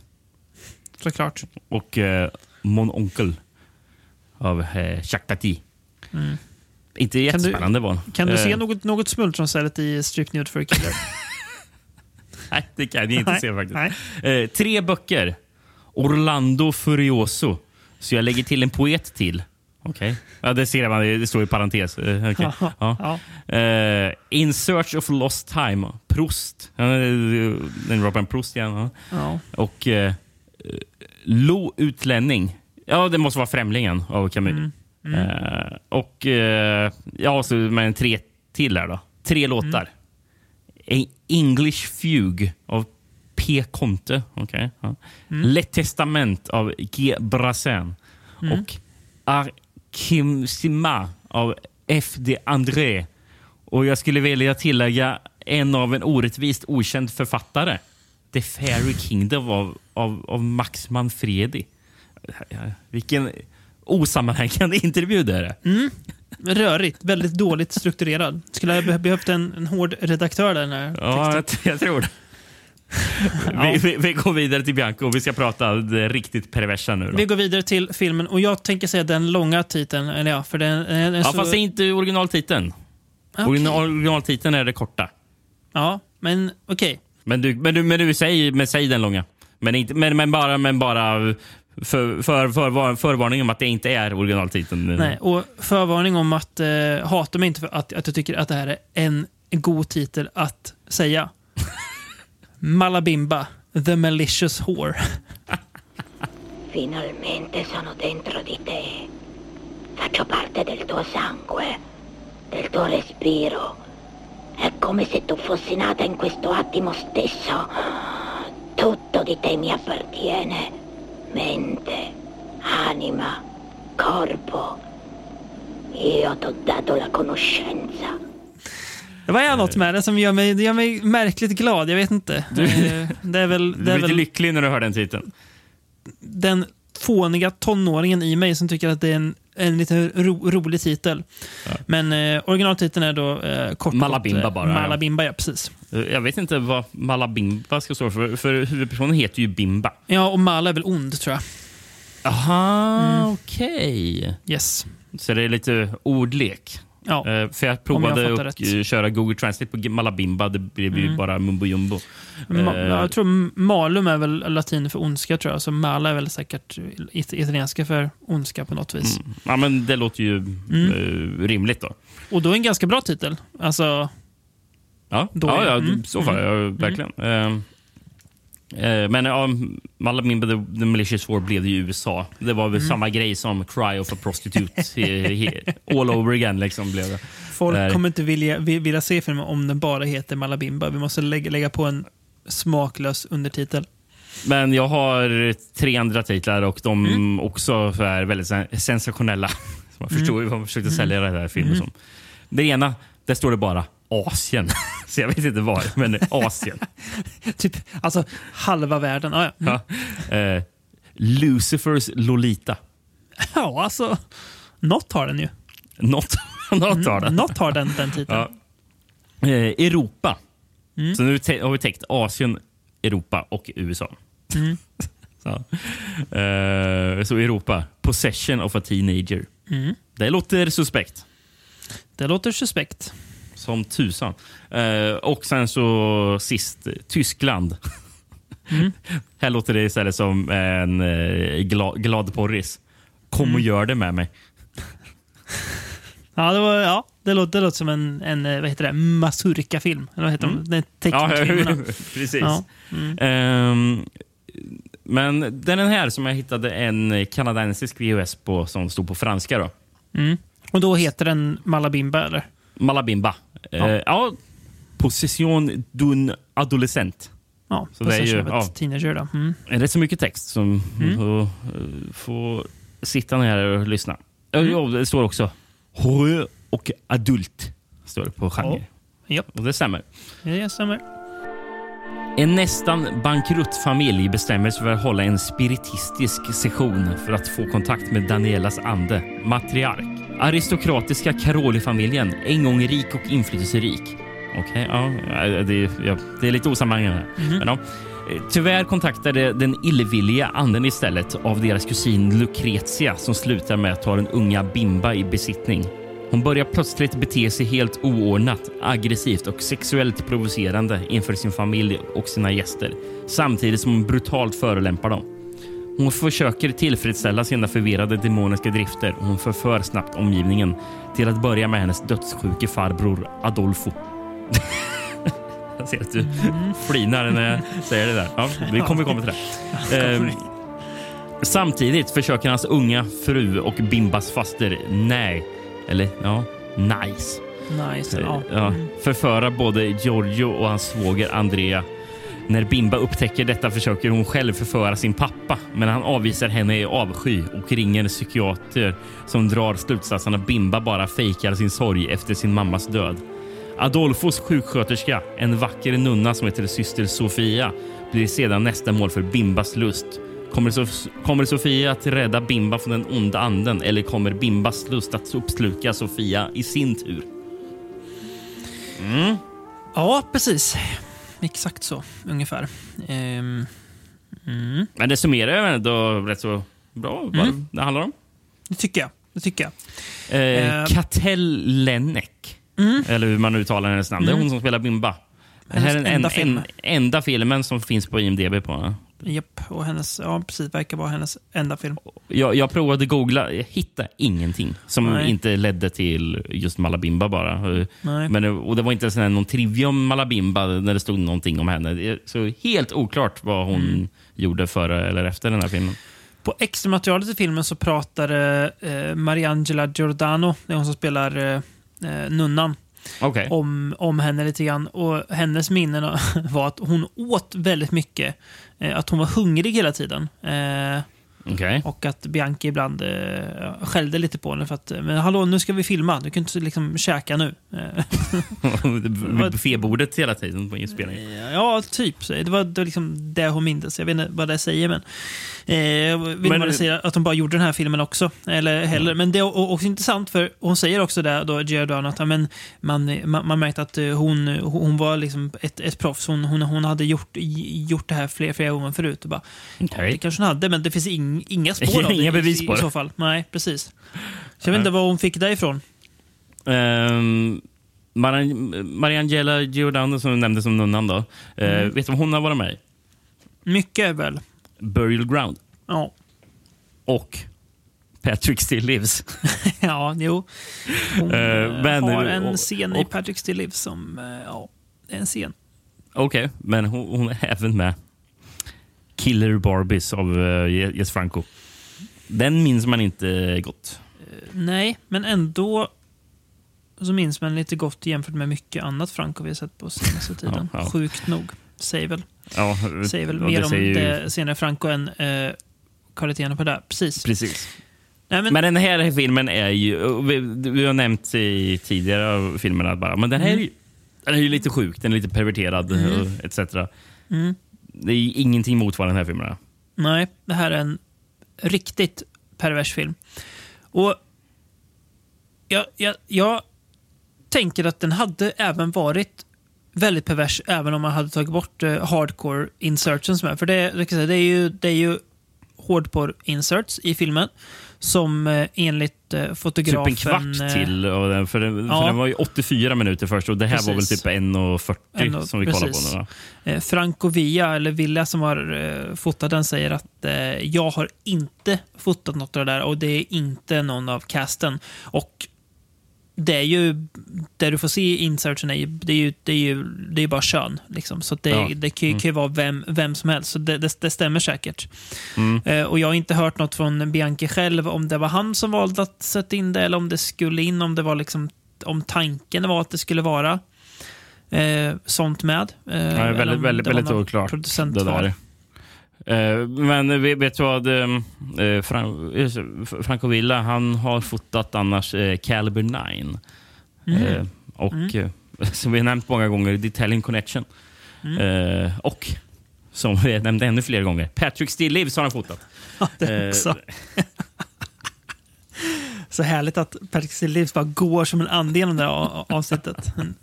Ond, pervers ande. Ja, ja. Och det finns ju en i den här också, för den där demonen eller anden som Bimba blir besatt av är en riktigt eh, pervers och elak jäkel. Hon gör, det, gör ju henne från oskyldig ung tjej till eh, råkåt eh, och eh, blasfemisk ung kvinna.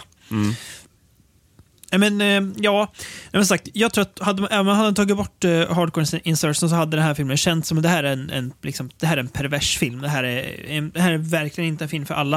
Eh, Nej. det är ju... Men eh, för mig så tycker jag att det förstör ju så mycket, de här hard- hardcore Mm. insertion. För Det blir så här bara... Oh, nu, nu är vi här igen. Eh, så här, men alltså, ja. men alltså, filmen blir så jävla mycket segare på grund av det. Eh, För det Mm. Spolade liksom, du när de kom eller? Ja, men det, för det br- bröt liksom allt Ja. Mm. eh, tempo i filmen. Alltså, eh, filmens pacing blir ju Mm. helt skev eftersom det inte var planerat att vara med där. Nej. Det, det, är så bara, okej, men, aha, ja, men vä- vä- vänta. Vi, vi pausar handlingen för nu ska vi hålla till sex här. Och, så, och sen så får, får lite ni fortsätta med resten av filmen. Det, det håriga så kön i Konstigt. närbild. Ja, jo. Det, nej, jag, jag tycker inte heller att de, att de tillför något alls. Eh, det ha- hade eh, absolut kunnat vara utan dem. Det, det jag... Eh, alltså, det jag gillar med den här filmen, det är att det, alltså, man tänker att det har varit ganska många osympatiska karaktärer genom filmerna vi har pratat om. Så är det här ett karaktärsgalleri. Alltså alla de, vad, vad är det för människor den här familjen består av? Det är ju bara bindgalna personer. Alltså hon är här, Nice, eller vad man nu uttalar henne. Ja, ja. Hon är ju, alltså, hon är ju till och med går runt och är kåtare än vad Bimba är när hon är eh, besatt. Hon är ju, eh, ja, går runt och visar brösten och raggar på farsan i tid och otid. Och, och farsan är ju heller inte någon särskilt sympatisk. Det är bara så här, vad är det här för liksom, trasig eh, aristokratisk familj som råkar äga ett stort, snyggt gotiskt slott? Eh, det är så himla också konstig skärning som jag kan gilla med att det är så jättecoola miljöer. Eh, ett riktigt gammalt övergivet slott. Eh, Jag säger det Giordano i en intervju att eh, ett av rummen som de går in i hade inte varit, eh, det hade varit stängt i 35 år och var fullt med mögel när vi gick in där. Som blev sjuk när de gjorde, gjorde filmen. Fick eh, hög, hög feber.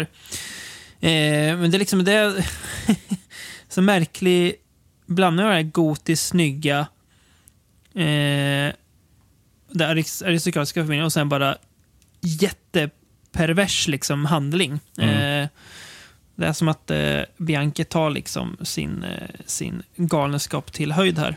Eh, vet du vad som är det galet förresten?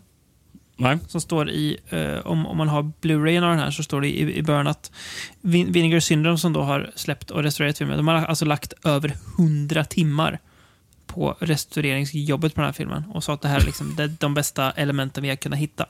Wow. Vilket jävla jobb Det, alltså. ja, på För den här, den här filmen. den här filmen har liksom fått det. Mm. Eh, Ja, det är så otroligt. Eh, Ja. Du satt ju och skrattade när jag läste upp uh, baksidetexten. Mm. Scenen med farbrorn tänker du på? Ja, Mm.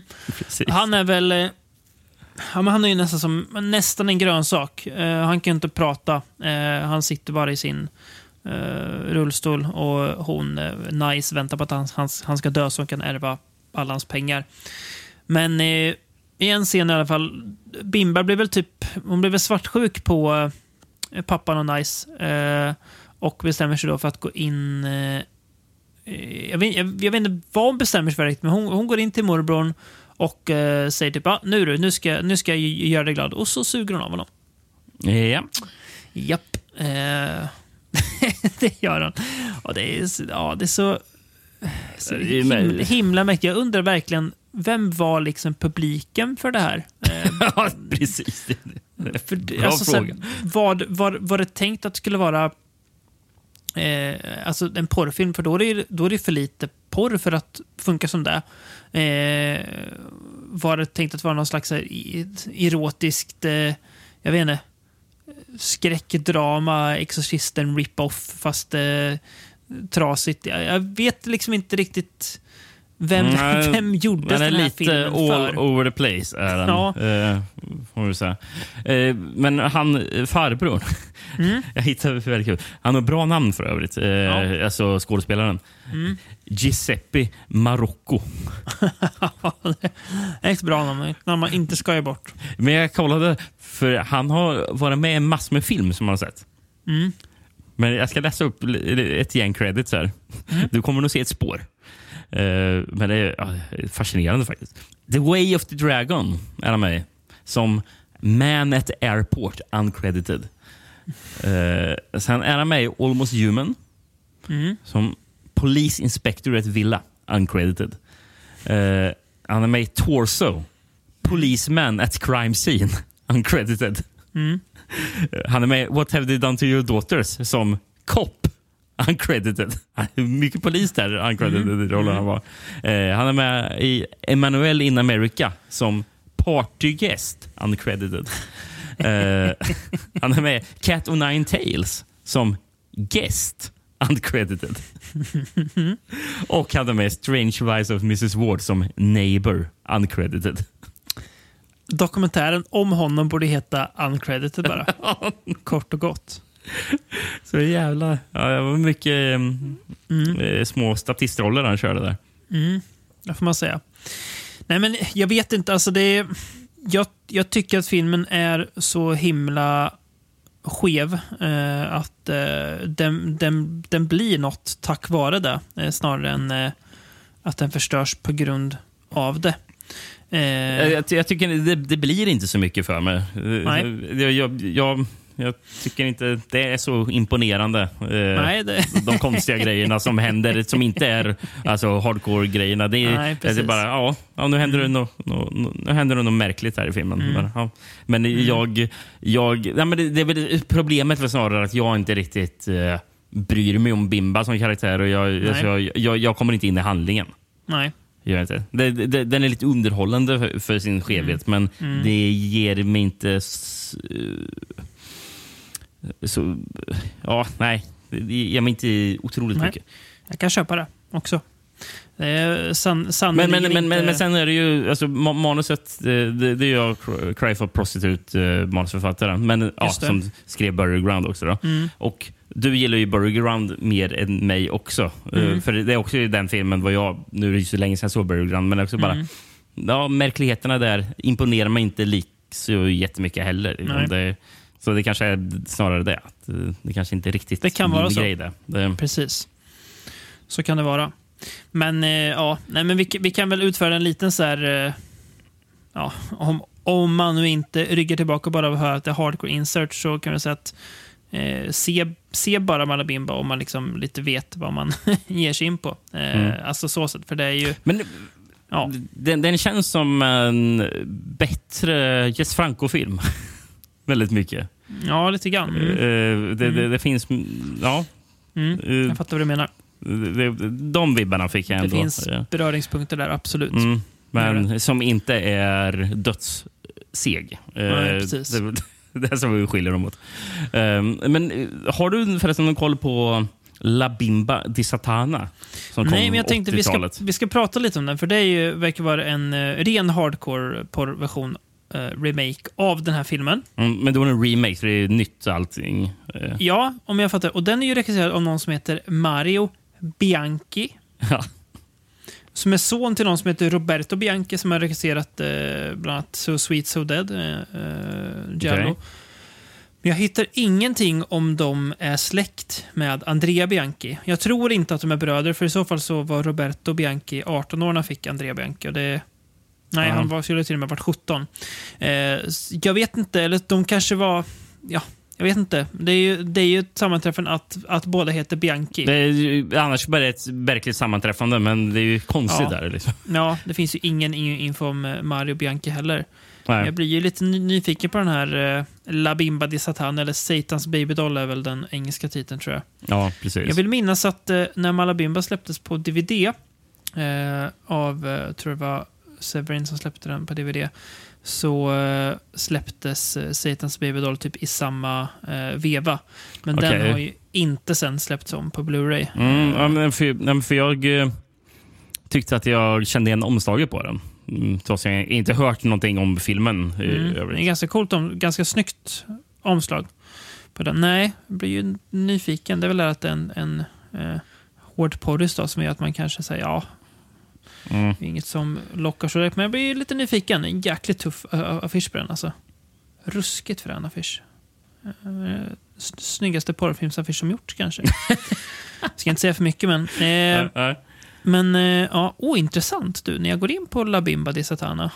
Eh, då är ju frågan om det här är en helt ny film. För att både eh, Giancarlo del, del Duca och Mariangela Giordano är med i den, men spelar andra karaktärer. Okej. Mm. Det är ju mm, intressant ändå. Mm, ja. Det får se framtiden förtälja om det blir den en gång. Eh, Men eh, det om det om eh, Malabimba.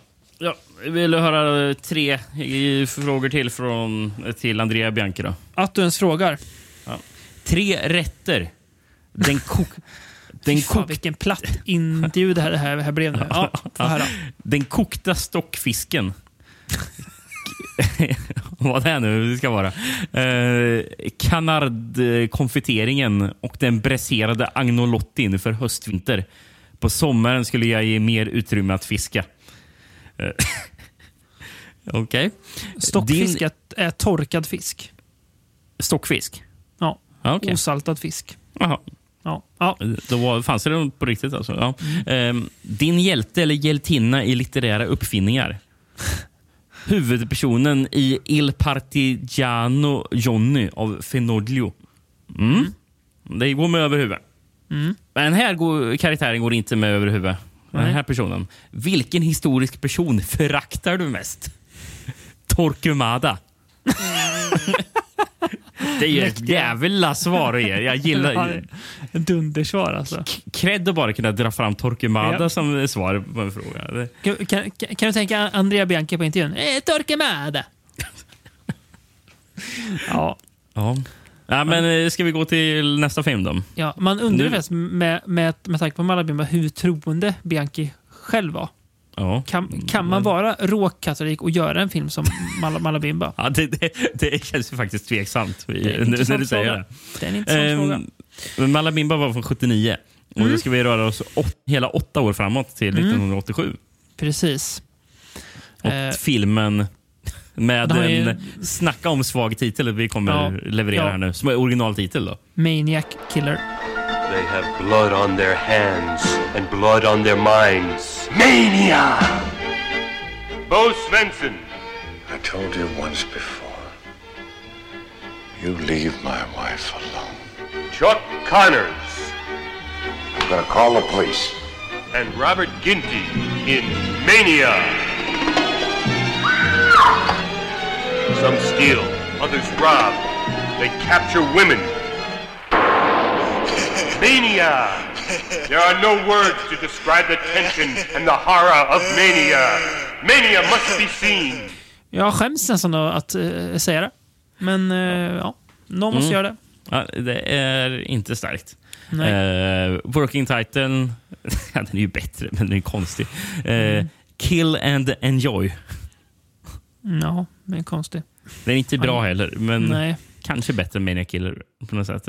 Han gjorde ju en del spännande film åren mellan de här. Bland annat eh, då Burial Ground och eh, Commando Mengele. Just det. Mm. Kommando Mengele är väl planerat till något annat. Det är väl därför vi inte har den här. Så ifall Jag tror den, det. Ja, Mm. if- ifall det är någon som undrar. Exakt. Va- Vi varför inte den? Prata om, Eh, om för det den- mästerverket. Jo, men hörni, det kommer. Ja, jag, precis, för jag hade för mig det. För jag, till och med jag, jag själv frågade varför har vi inte med Kommando Mengele? Mm. Exakt. Eh, men ja, i Portugal hade du Mm. också en dålig titel. Mania. Eller Mania. Jag, jag, jag satt liksom och väntade på att det skulle komma en, en fortsättning där, men sen eh, insåg jag hur dålig titeln var när det blev tyst. Ja. Ja. Det säger mycket när den roligaste är eh, den brasilianska skräcksekten. Det var det Ja. roligaste. Nej, det var, vi hoppar direkt till VHS tycker jag. Som allt. är en fransk VHS. Mm. Eh, och där en klart och gott heter Maniac Killer på den. då. Mm. Och sen ja, står det en undertext också. Historie d'une so so société très secrète. Okej. Någonting sånt. Eh, jävligt coolt omslag är det, får jag dock säga. Mannen Mm. med huva och eh, kniv där. Fox Video har släppt den, alltså. Det gillar man ju. Ja, oväntat. Ja, eh, kommer lite fransk handling då. En kvinna, Rosalie, försvinner mystiskt när hon lämnar en nattklubb. I den lilla staden faller all misstanke på, profes- på professor Osborn, en forskare i molekylär biologi. Han bor borta från alla, så allt gör honom misstänksam. Okej. Bara för att han inte bor med de andra. Ja. Vad experimenterar han med? Hundar? Säkert. Kvinnor? Varför inte? Sanningen är ännu mer skrämmande. Rosalie är bytet för en underjordisk kult. Dedikerade åt ondskan torterar dess anhängare sina offer och andras lidande retar upp dem. Vad experimenterar med? Hundar? Säkert! Varför inte? Ja. Ja. eh, man märker att vi har kommit in på det sena 80-talet här nu. Mm. För det här känns så extremt mycket Italien andra halvan 80-tal. Mm. Det gör det verkligen. Det här sena, eh, nära 90-talsitalet när italiensk film egentligen hade tappat sin, eh, sin glans, men man eh, kämpade tappert på ändå. Den här filmen innehöll en riktigt ordentlig jumpscare när filmen började. För plötsligt bara så dunkar det upp text. Står det Eurociné. Det var, Mm. det, det, det var ju det läskigaste jag såg i hela filmen. Blir inte du glad när eh, du ser Eurociné? Eller man blir väl lite både och kanske? Eller? Ja, ja, men Ja. hopp, hoppar till lite när när det står sådär. Det gör man. Det gör man verkligen. Det var, det var inte vad jag var redo för Nej. på, på, på när jag slog på den i natt. Jag tänkte bara, oh, fan, det ska jag se lite gött eh, italiensk, eh, för, jag 80s antar slasheraktigt eller någonting sånt där. Mm. Eh, precis, och sen så ser man Eurociné bara, nej, nej, det är inte vad jag vill ha nu. Eh. Men jag tycker inte den känns så Eurociné. Eh. Nej, nej, det gör den inte. Tycker inte jag heller. Den känns väldigt uh, italiensk 80-tal, men inte så mycket Eurociné. Um, men vad, ja, vad är det här för film? Uh, det här är ju, den här filmen känns trasig. Ja, ja det gör den verkligen. Vi har Bo Svensson och Ja. vi har Robert Ginty. Eh, Så det är ändå så här... Rätt Och eh, Chuck. Connors också. Det är de tre trion där. Exakt. Chuck Connors Eh, från Soylent Green. Just det. Så det är ändå, men det är klart, de hade, hade väl inte heller sin... eh, Deras stjärnor står väl inte i stenet när den här filmen gjordes heller. Men Inte ändå- det här året, nej. Nej. Nej, precis. Eh, ja, det. Och jag, alltså, vad fan gör Bo Svensson i den här filmen? Han spelar Count Silvano. han, han går ut och är en, en greve bara. Jag vet inte riktigt vad han gör. Han... Eh, ja, känns som han inte gör så mycket. Kanske inte behövde göra så mycket. Nej, alltså, alltså, det, det är sjukt för de, de här tre huvudrollen, eller huvudskådisarna, Mm. professorn, Chuck Connors och ja, Bo Svensson, Mm. Count Mm. Silvan och Robert Mm. Ginty som Gondrand. Eh, Gondrand. eh, men alltså, de känns nästan som biroller. Mm. Fast de är typ huvudrollerna. Det, Mm. det är något skumt Mm, jag vet, ja, för det, det är nästan på att det inte är någon riktig hu huvudroll. Eller Det är väl kanske det här, eh, jag vet inte, den här fängslade kvinnan. jag vet, hon är Ja. inte heller huvudroll. Nej, och Nej, sen det- så... Ja, och sen... kanske hon är tjejen som håller på och rider omkring på häst i skogen. Ja, kanske. Hon Eller han är den där infantila personen. som- Förståndshandikappade snubben, ja. Ja, som Mm. jag, förstod först inte. Först, först när jag såg hon eh, som kommer ridande i skogen. För då, Mm. Jag blev också först förvirrad. Jag bara, när tusan utspelar sig filmen? För det var Ja. här... För hon rider, rider omkring på häst i skogen Mm. och sen så börjar hon slå den här förståndshandikappade mannen. Mm. Eh, och helt utan anledning. Mm. Han, har inte gjort någonting. Hon, hon bara rider fram till honom och börjar slå på honom. Jag bara, fan, fan, det känns som att filmen är så här, alltså, det, det är sånt man ser i typ en Hammer-film det ska utspelas, utspelas på Jaha. 1800-talet för att visa att så här gjorde man mot... Jag bara, va? Fast det här är väl 80-tal? Ja, Skitkonstigt. precis. Ja, nej, jag vet inte om det är för att hon, hon är arg ja, för att, att hon är på hans marker och typ jagar kaniner eller något sånt där. Eh, ja. Är det där? Nej, det, ja, jag, kan, kanske. Det är, Nej, det är, det är ingenting. väldigt oklart. Det är väldigt oklart. Där. Det är en väldigt oklar film och det... Alltså, det, det finns saker i den som jag tycker är ganska kul. Eh, jag tycker att de här, vissa av de här fängelse, eller fängelsehålescenerna är, är ganska festliga när de har de här eh, anti-djävulsritualerna. är faktiskt också eh, Mm. kul tycker jag. Eh, att, Men, eh, att de ska rena världen från Satan, inte tvärtom. Ja, men vi har, har ju någon där...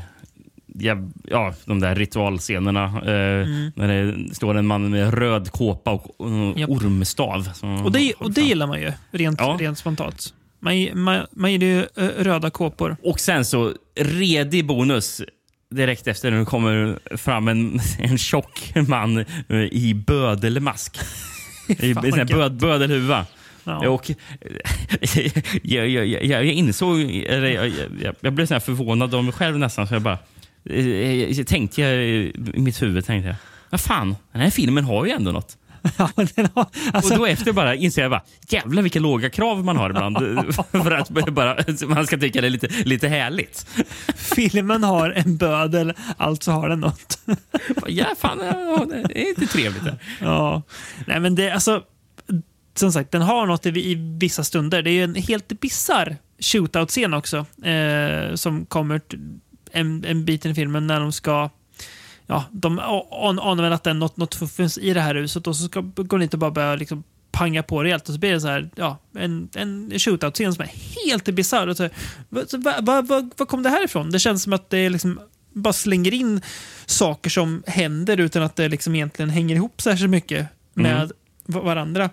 Eh, men i det stora hela tycker jag att den här blir rätt seg, den här filmen. För att eh, alltså, alla de här scenerna mellan tokigheterna, jag vet liksom inte riktigt vad det är jag ska följa för någonting. Eh, jag är inte in, intresserad av att, att, att den greve Silvano går runt och snackar med folk och håller på, utan det bara, ja. Eller de här bedrövliga scenerna när de ska lära han den här eh, förståndsnedsatta Ja, killen att... eh, pr- att eh, prata. Ja, precis. Men med hjälp av en, och- med hjälp av en dator som gör Ja. de här kon- nonsensljud. Bara, Hur ska det här hjälpa? Han sitter och... Uh, uh. Ja, okej. Vi, vi fattar. Eh, ja. Vet du vet, vet vad jag tror att, att det sjuka i, Italiens sätt att, att se på människor med intellektuell funktionsnedsättning har ju inte ändrats sedan 1987. Nej, nej, nej. Det, Det det, kan, det kan ju vara så.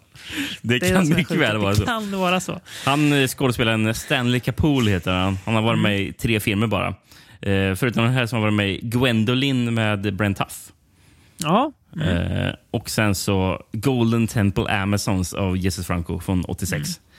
Eh, sjukt att vi inte sett den än. Eh, Att vi har valt så mycket annat men inte sett den filmen. För den ser ju ändå lite härlig ut. Det där. Ja, det är konstigt. Det är, så, också, ja. det är också lite gött att vi har den kvar. Ja, Eh, det kanske är det som är bra att veta. För, Man kan se fram emot. precis, åt- 86 äventyr. Antonio Mayans lider av mig. William Berger. Ja, det låter ju ändå lite härligt. Och det har ju en av manusförfattarna, eh, en av manusförfattarna till Manikill har ju skrivit den. Eh, George Friedland. Mm. Nu blir man ju lite mer skeptisk till den, den, den filmen direkt när du, när du sa så, men... eh, Ja. Eh, sen så har vi en till manusförfattare, Marius Lesueur, som har skrivit den här. Eh, har skrivit Exorcism av eh, eh, Franco. Mm, just det. Mm. Och den tredje manusförfattaren, H.L. Rostaine. Han har ju skrivit den här bedrövliga Cannibal Terror. Den här franska fy kannibalfilmen. satan, den ja. den som är så dålig att, att man... Den är så dålig så att man kan inte ta in hur, hur dålig den är. Så den blir nästan hypnotiserande dålig. Ja. Ja. Eh, och sen även har ja, H.L. Roslin också skrivit den där. Som, jag, jag fattar inte att jag inte kan minnas den här filmen med tanke på rollistan. Men den här Esmeralda Bay med Robert Forster och George Kennedy och eh, Ramon Estevez. Just det. Hur minns jag inte den filmen? Den- Ja, det är Ja. konstigt. Ja. Nå- nå- någonting som också är jävligt märkligt. Eh, Så otroligt överraskande namn som dyker upp som har gjort soundtracket till den här. Mm. Louis Bacalov som har gjort soundtracket till Django. Django lei. Ja, just det. Ja, det är ju lite oväntat, ja, får man ju och Det säga. är... Va? Har han? Eh, Ja, just det. Mm. Precis, och uh, A Bullet for a General har jag också gjort uh, Mm. Mm. Men det- finns en grej som händer i filmen som jag tyckte var väldigt kul. Eh, Mm. Man får ju följa någon brevbärare som Mm. går omkring på den där gatan i den lilla staden. Mm. Eh, Nej, just och sen det, just det. eh, Mm. Och sen ska han, går, går han in på en bar. Han ska prata med sin, med sin vän John. Ska han göra. Han sitter där redan inne på baren och dricker en öl. Eh, och sen så och då säger den här brevbäraren, för här, just det, för han ser en tjej rida upp eh, på, med, med häst mot eh, professorn. Mm.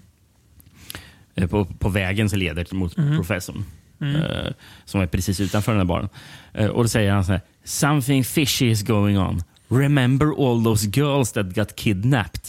Eh, ja, det tror jag att vi Mm, minns. det Med är tanke på att det är en liten stad vi bor i. Så, ja. Någonting fishy också, ja och sen så, you know that guy that we were talking about talking about, the professor. You know that one that does all those experiments on those women until they die. Place where I saw all the blood on the floor. Ja, och, och, och, och hans eh, polare så, säger då, yeah, so. och, och, och, och, och då säger att, eh, säger den brevbäraren bara, eh, oh men det är någonting som är fishy. Liksom. Eh, bara, ja, jag tycker väl också det är fishy att eh, det är massor med unga kvinnor som dör hos professorn. Men, men det han, brevbäraren, tycker är fishy, det är att det är en person som red upp på den vägen. Det är det som han tycker är fishy. Vad fan, det, det är något som är konstigt. Det var, en, det var en tjej som red upp på eh, en väg i den här jättelilla staden. Nej, Eh, men, men någon som var på den här vägen, det är någonting som är fishy. Här, här håller vi inte på och, eh, och rider inte. Ja, det, Det, det, tar vi inte in i, i våran stad inte. ja, ja, nej, jag tyckte det var väldigt kul. Väldigt märkligt. Ja, jag håller med. Det, det, det sju, du, du kommer inte gilla eh, mig när jag säger det här, men jag gillar ju faktiskt den här lite mer än Malabimba. Jag, ty, jag, jag tycker den var mer det, underhållande. det, kan, det kan du få göra. Ja, ja. ja, det är bra med lite... Ja, Lite men jag den lite härlig ändå. friktioner med. Ja, men alltså, den, den har roliga stunder, men jag tycker att restaurerad den blir lite för... eh, Ja, den, eh, den, är lite, den är väldigt om sig och kring sig, den här filmen. Ehm, kan man väl anklaga Malabimba att vara också, men eh, ja. Mm. Med någonting. Ja, nej, men jag, jag, först, jag förstår invändningarna. Det, det, Ja. Ja. jag kan inte säga att jag inte förstår dem. Nej, men det är gött det i alla fall. Ska vi, eh, ska vi, in- innan vi går till sista Bianchi-filmen, Mm. ska vi ta eh, vad han svarade efter Torquemada som historisk ja, ja. person? Ja, ja. Klart vi ska. Eh, Vilken naturgåva skulle du vilja ha? Jag skulle vilja kunna spela fler instrument på gehör. Mm. Hur skulle du vilja dö? Utan ånger och möjligen med en viss autonomi att bestämma när. Det är ju väldigt morbid med tanke på att han dog en månad Mm. efter. Mm. Synderna som inspirerade dig till större överseende. Lust, frosseri och oordning. Mhm. ja, va, va, ja, ja, ja, ja. Oordning gillar jag som, som, som svar. Mm, ja, precis. Ja, nej, men, eh, som du sa, vi ska gå vidare till nästa Mm. film. Eh, Yes. två, två år senare. Exakt. Och uh, avsnittets sista Bianchi-film. Ja. eh, ska. Inte så spännande titel där heller. Nej. Massacre heter den kort och gott. Ja. Eh, eller hette väl eh, ja, säkert Massacro på eh, italienska. På, på video hette den där. Okej. Den, här, den här skulle ju först gå på tv. Den Mm. var ju producerad för tv var den. Och då Mm. hette den Mediets död. Okej. Det är ju så en, en så god Lucio Fulci presenta-rulle det här. Precis, det, och det blev ju, det blev ju Lucio Fulci presenta efter att... Eh, se, jag har skrivit ner någonstans vad eh, tv-bolagets... Ja, för den producerades eh, för, jag tror det heter Italia. Mhm. Ret, Retta Italia. Mm. Masters of Thrill. Eller Masters of the Thrill skulle serien heta. Okej. Med ett gäng andra filmer. då. Mm. Ehm, och den skulle gå... Uh, för det så, liksom de andra filmerna i serien sändes den aldrig på grund av våldet som ansågs överdrivet. Eller ja, att det var för grovt. Då. Mm. Eh, men sen så var det, den sändes på lokala nätverk 91 och distribuerades på videokassett året därpå som en del av Lucio Fulcis presentcykeln. Då. Mm. Eh, förut, förutom det var ju den här Bloody Psycho från 89 och Hansel E. Gretel från 90, 1990. Mm. Il Fantasma di Sodoma, det är väl Sodomas Ghost. Ja, det är det.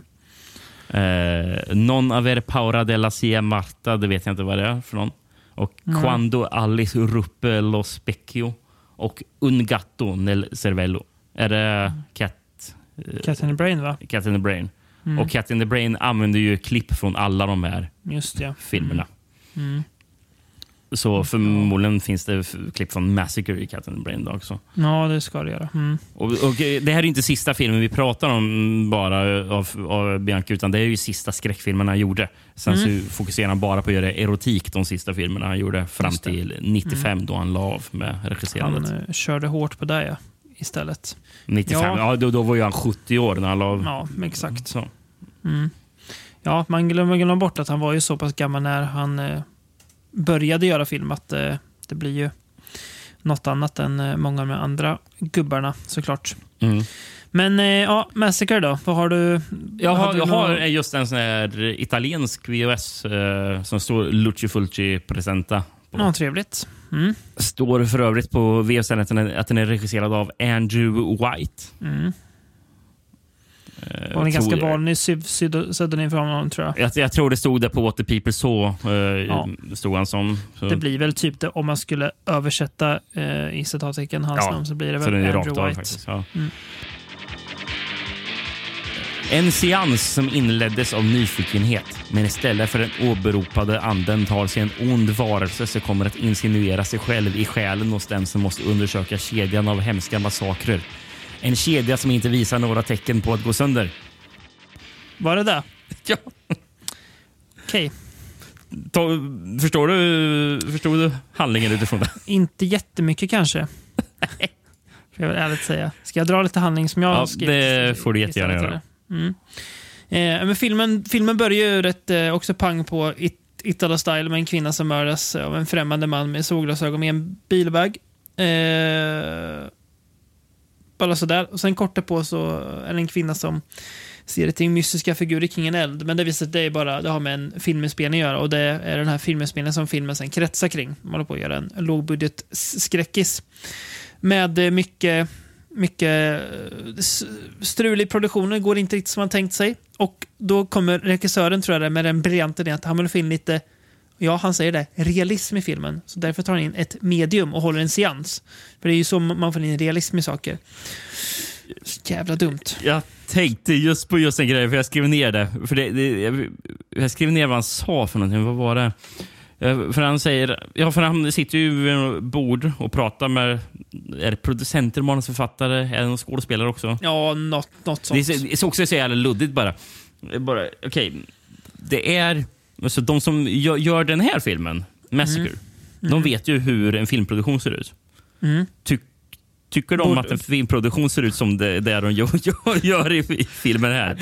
Sitter vi till hela gänget och bara diskuterar. Ah, ska, ska vi göra en film? Och sen så, Det är så konstigt. det ser lite det. ut som. Där. Det är konstigt, ja, det. Ja, det är jättekonstigt. Eh, Men, men då säger ju han regissören att eh, Ja, men folk är ju så vana med eh, att se läskiga skräckfilmer nu för tiden. Så mm, de, f- folk blir inte rädda. Han säger inte, inte ens barn blir rädda längre Nej. av eh, skräck. Liksom. Som är vana med att se, se, se sånt där.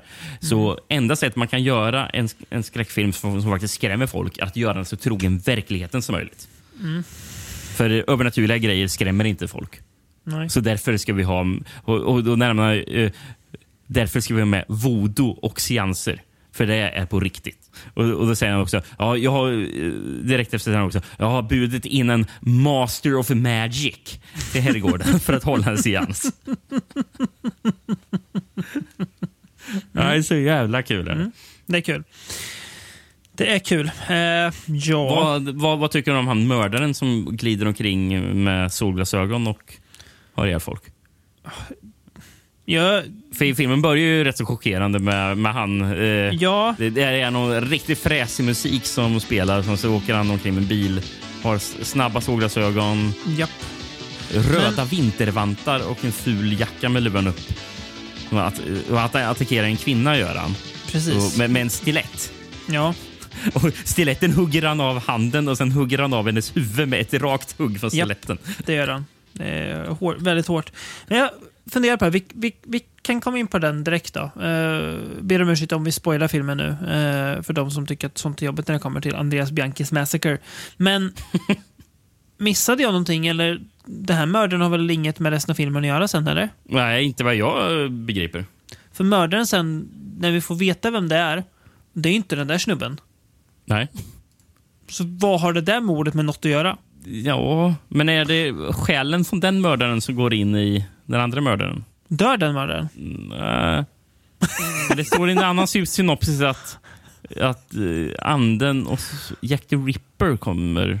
Ska han vara typ Jack the Ripper någonting? Missade vi det du och jag, eller? Ja, jag vet inte. Det, är, det här är helt... Det kan ju vara någon sån här throwaway line som mediet sa. Ja, någonting, eh, så kan det vara. Men, men jag vet faktiskt inte alls vad den där mördaren i början har. Nej, inte jag heller. Det, det, det, det är den, den som har skrivit synopsisen kanske menar Jack the Ripper med mördaren vi ser i början. Så kan det vara. Jag, Ja, jag, men- vet, jag vet faktiskt inte. Nej, märkligt är det i alla fall. Eh, men det här, alltså det här är ju en film som eh, har en del kul inslag. Den är ju uppenbart, eh, man ser ju att italiensken mår ju inte liksom jättebra här. eh, nu har väl Bianchi kanske aldrig varit liksom posterboy för eh, när italiensk genrefilm mådde som bäst, men ändå. Eh, filmen känns inte så jättemycket Bianchi, förutom kanske våldet då. Eh, Mm. snarare Eh, en, ju vissa grejer jag reagerar på. Eh, en scen där det är en snubbe i inspelningen som... Eh, jag vet inte om det är någon så här Bianchi slash Italiens sätt att driva med eh, transvestiter på. Men han först klär ut sig till Liza Minnelli och står och dansar. Oh, I'm Liza Minnelli, står så här. Och, och sen så klär ut sig till Marilyn Monroe och ska vara henne. Och säger också så här, bara, bara nonsens. Det känns För- för att- typiskt Italien. Ja, för att et etablera honom som pervers för att män kan ju inte klä ut sig till, till kvinnor fattar Nej. man. Då är det något ri- riktigt fel, fel på dem. Nej, men det, det gillar de, de, de gillar att göra det i italiensk film. Ja. Cross, crossdressing tycker Ja. de är skitkul. Det, ja, och det är precis för att... Ja, det är så ja, lågt stående intelligens hos vissa det där folket. Fast jag älskar dem också. Som sagt, världens bästa sämsta land.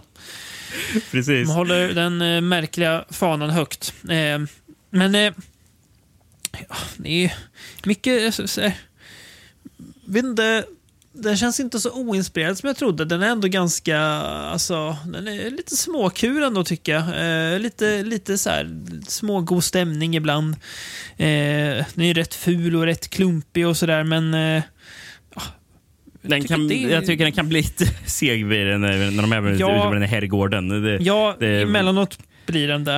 Eh, men eh, ja, jag vet det, inte. det, det är inte Sodomus Ghost långsamt, men det är ju, Nej, det är men, men, det. men, men fast det, det finns delar i det som jag tycker påminner om just Sodomus Ghost. Men det kanske Mm. är på grund av årtalet. Eh, Det att- är ju inte Sodomas Ghost, men det är heller inte Paganini Horror. Nej, precis. Nej. Nej. men eh, som, eh, med just året, de gjorde för typ samma år. Ja, jag tror det. 89 tror jag. Ja. Och eh, har även samma fotograf, eh, Silvano Ticini. Mm. Eh, Ja, men det är ju den där käns Som- alltså, känslan som finns, ja. Vet du vad han Silvano Ticini förresten? Eller Tessi, Tessicini. Eh, har eh, fotat.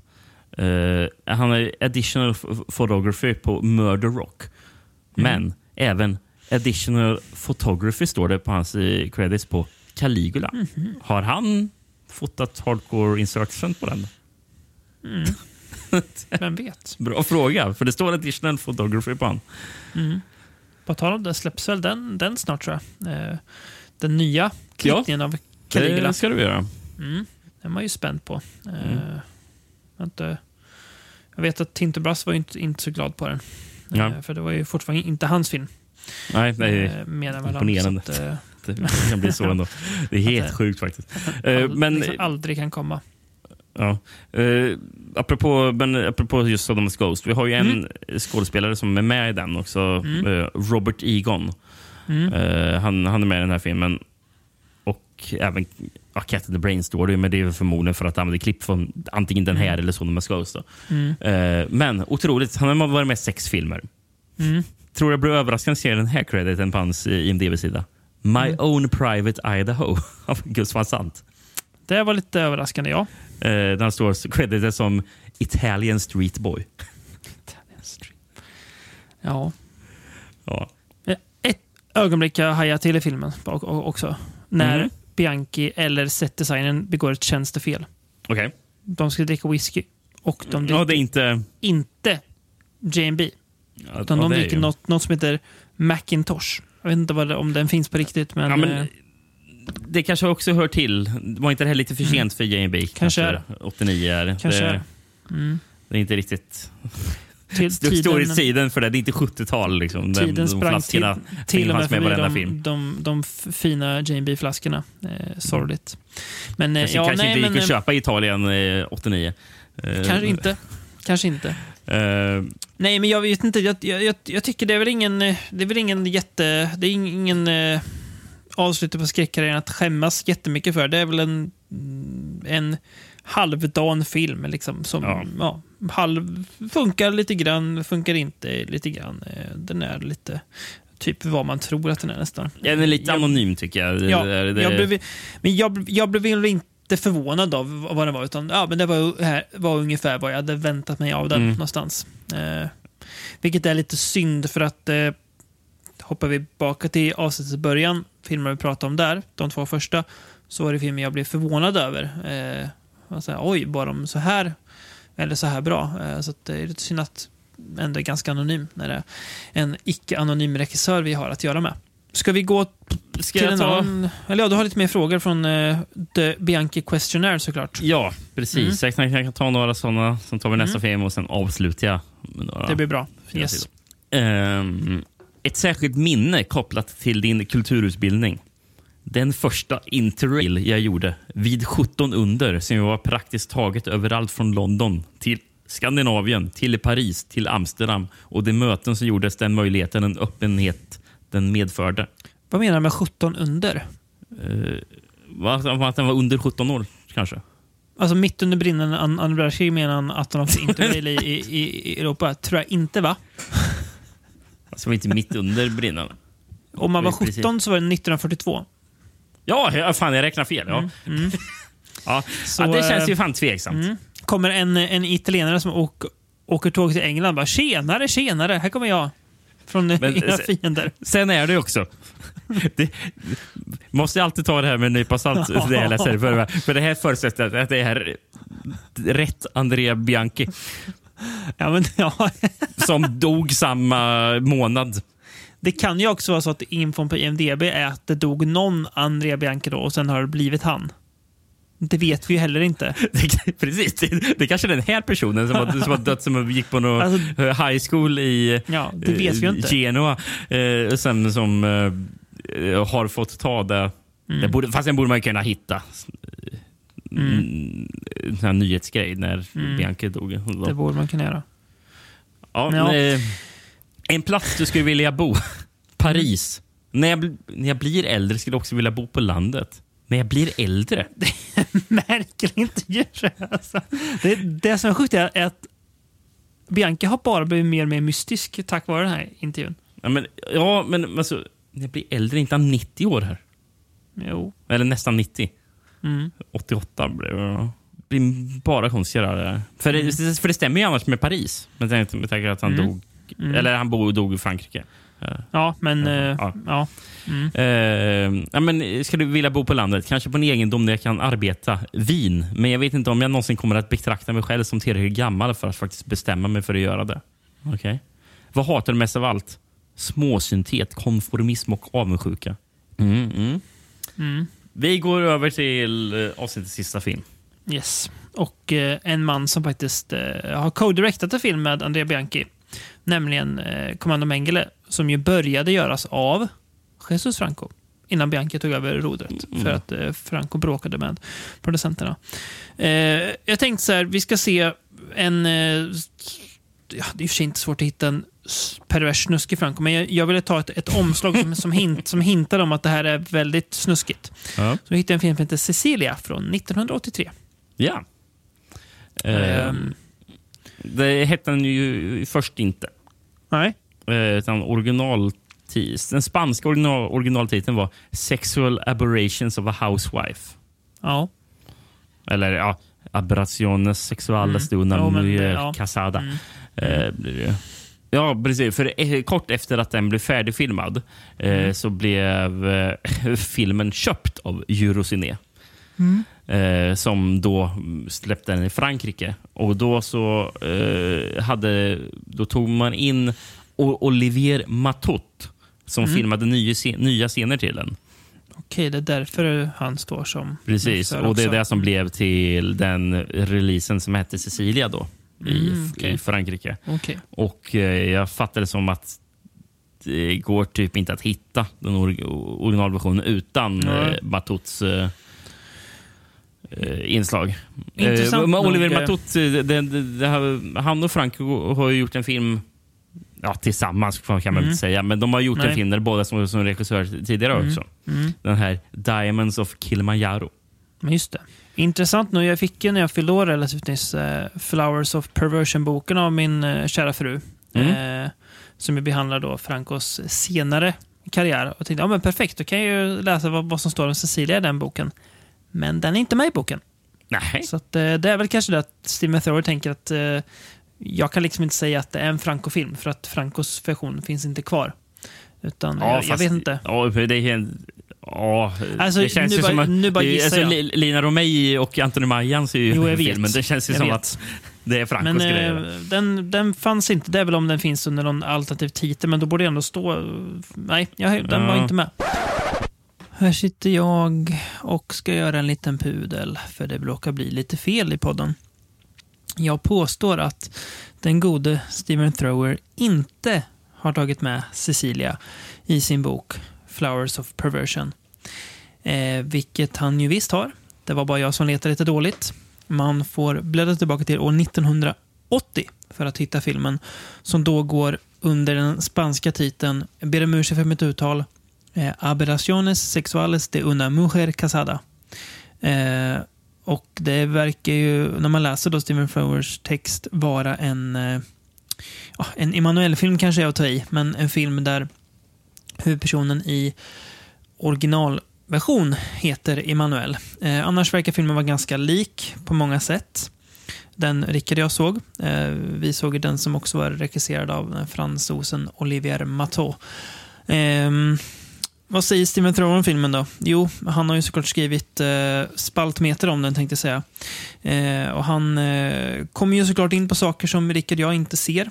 Eh, analyserar liksom psykologiska perspektiv och sådär. Pratar mycket om att det finns viss problematik i filmen eh, för att den ser ganska lättvindigt på våldtäkt.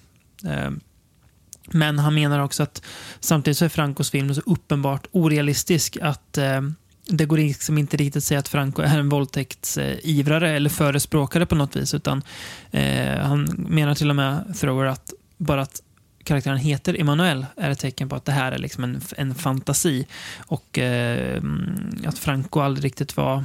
Eh, han var inte intresserad av att skildra realism på film, utan hans filmer var liksom en fantasivärld. Eh, och då var även all, all liksom form av sex i de här filmerna eh, en del av den här fantasivärlden.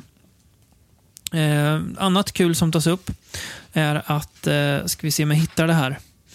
Den är enligt Thrower då lik eh, eh, en novella som heter Traumnovelle eh, av Arthur Schnitzler från 1926 som också blev en liten film som heter Eyes Wide Shut.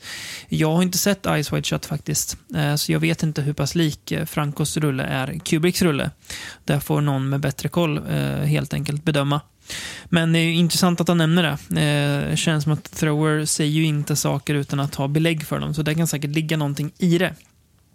Eh, annars är det kul att eh, det finns en, eh, en creditad eh, produktionsassistent där, Juan Almiral.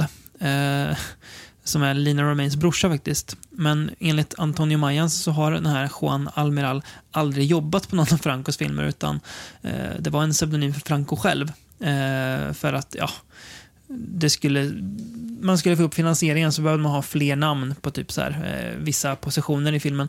Så därför använde Franco då eh, sin eh, musa och eh, eh, ja, jag vet inte om de var gifta, men eh, sin Linas eh, brorsas namn då istället.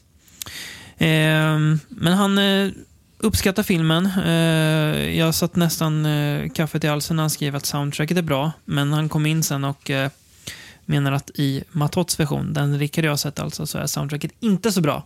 Så att vi får väl kanske ge Thrower uh, the benefit of a doubt, att det faktiskt är ett bra soundtrack i uh, den spanska versionen, inte i den vi har sett då. Osäker på hur mycket vi uh, hade uppskattat den spanska mer. Vana lyssnare vet ju att jag och Rickard är ju rätt mätta på Franco-rullar eh, av den här typen. De här liksom eh, väldiga sexploitation-filmerna som saknar eh, handling och mer bara har sex. Eh, sen kan man ju såklart se saker i dem. Det gör ju Thrower flera gånger. Eh, men han erkänner också att eh, det här, precis som Frank, många av Francos filmer, filmades nog utan manus. Eh, men eh, trevligt första intryck eh, för mig av Flowers of Perversion att man kan liksom skriva flera sidor om en film som den här och komma in på rätt djupa saker i den. Spännande att använda den här som en referensbibel framöver här. Tar ju tyvärr då bara upp eh, Francos senare karriär. Jag hoppas att jag ska kunna hitta del 1 också, som väl heter Murderous Passion tror jag.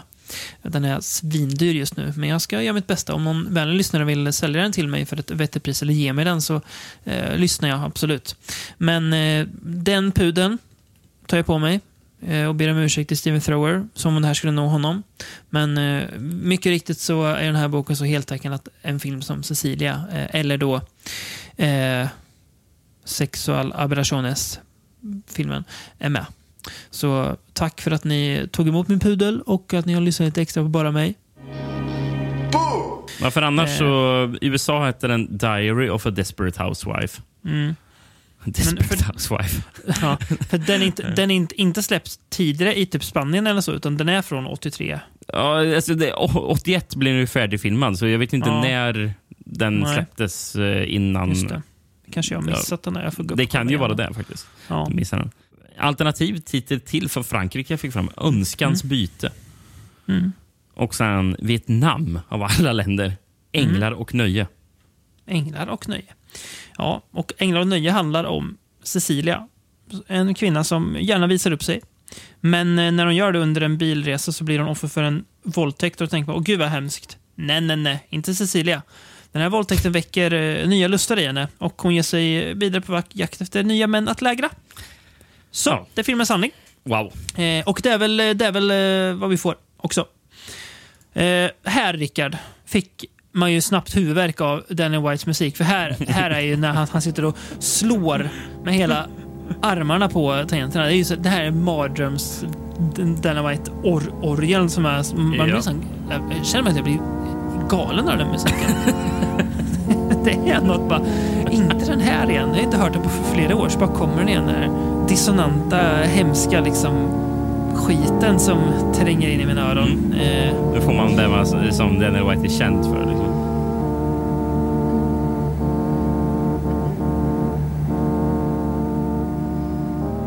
har du något, något matnyttigt att säga om den här filmen? Matnyttigt, matnyttigt. Eh, eh, manus. Marius Lesur, som jag eh, nämnde för, för, för två filmer sedan, för han har skrivit Maniac Killer. Ja. Ser. Men åh, nej, om filmen. Jag, jag zonar ut så ordentligt Mm. på det här. Det är, och sen så väldigt mycket... Bara, nej. Nu tror jag tar och spolar för att jag ska kunna bli klar med den här filmen någon Mm. gång. Det, blev så här. det är så otroligt långsamt. Det är väldigt långsamt. Eh, Och jag eh, erkänner att jag eh, sneglar lite på IMDB och gjorde lite research för Ja. avsnittet samtidigt. Det gjorde du rätt i. Det, det enda roliga jag har att säga om filmen är att jag tycker att eh, Antonio Mayans frisyr påminner om eh, Dean Kuhns författarfrisyr. Ja. ja, nu när du säger det. Det, det stämmer faktiskt bra. Han har det här, liksom, det här tjocka, väldigt eh, icke frisyriga frisyren som Mm. bara sådana människor har.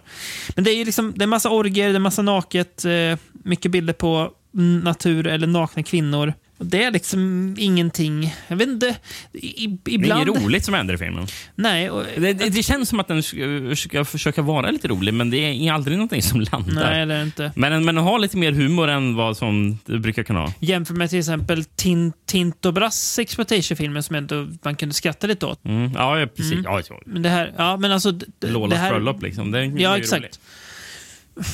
Men vet inte, det, det, jag går ju in och kolla vad andra tycker om den här Franco-filmen. Och det är ofta är ju du och jag i en negativ minoritet. Uh, jag vet inte om så vad, det är, vad det är vi missar. För det, det känns som att folk så här, säger i alla fall att de hittar någonting. Så jag, bara, jag, jag, jag kan liksom inte se det här att Franco skulle vara så här... Uh, ja, men det här är Francos psykodynamiska uh, undersökning av en ung kvinnas sexualitet. Ja, eller, eller så är det bara att Franco var en kåt gubbe som gjorde massa sån här film. Och så eh, kunde han slänga sig med lite fina ord, för han var säkert ganska bildad också. Jag vet inte. Ja. Eh, och jag, Jag, jag, bör- vet inte det- vad man hittar i den här filmen i Nej, alla fall. det, börjar bli så, liksom, så mycket sånt så här, jämt. Så här, så att ska jag ogilla den här filmen också som så här, fler gillar? Är det fel på oss eller är det fel på dem? Eller... F, F. Jag, jag, jag vill ju inte säga Franco kanske inte, inte är för mig.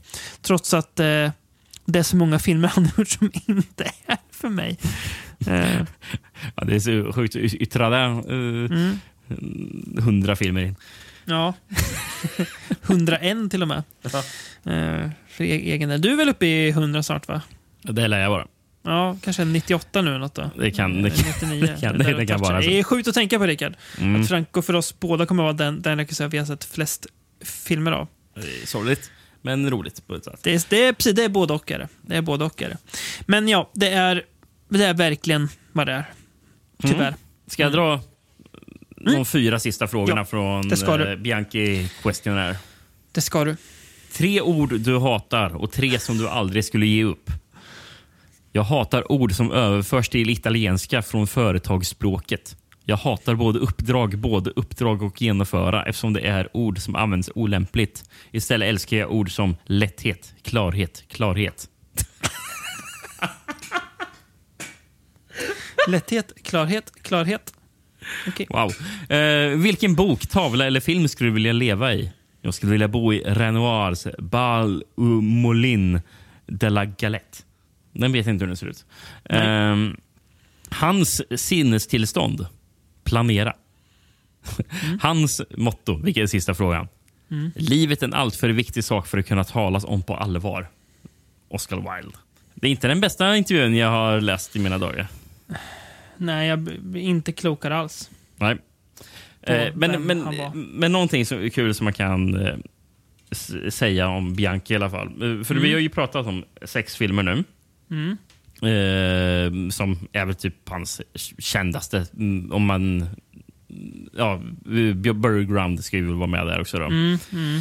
Eh, förutom en film som vi inte har nämnt Mm. alls eh, Mm. hittills i avsnittet. En film Mm. som man verkligen vill se.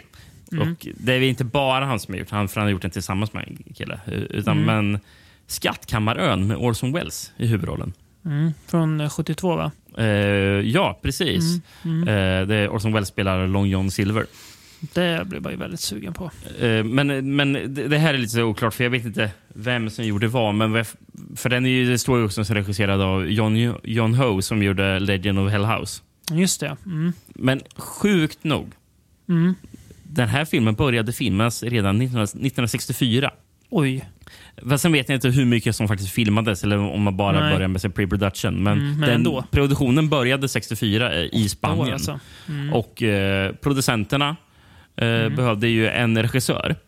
Och Orson Welles föreslog då ni ska ringa Jess Franco. Mm. De var ju kompisar. Ja, så det var, och, och vem var det som kom till produktionen? Jo, det var Jess Franco. Mm.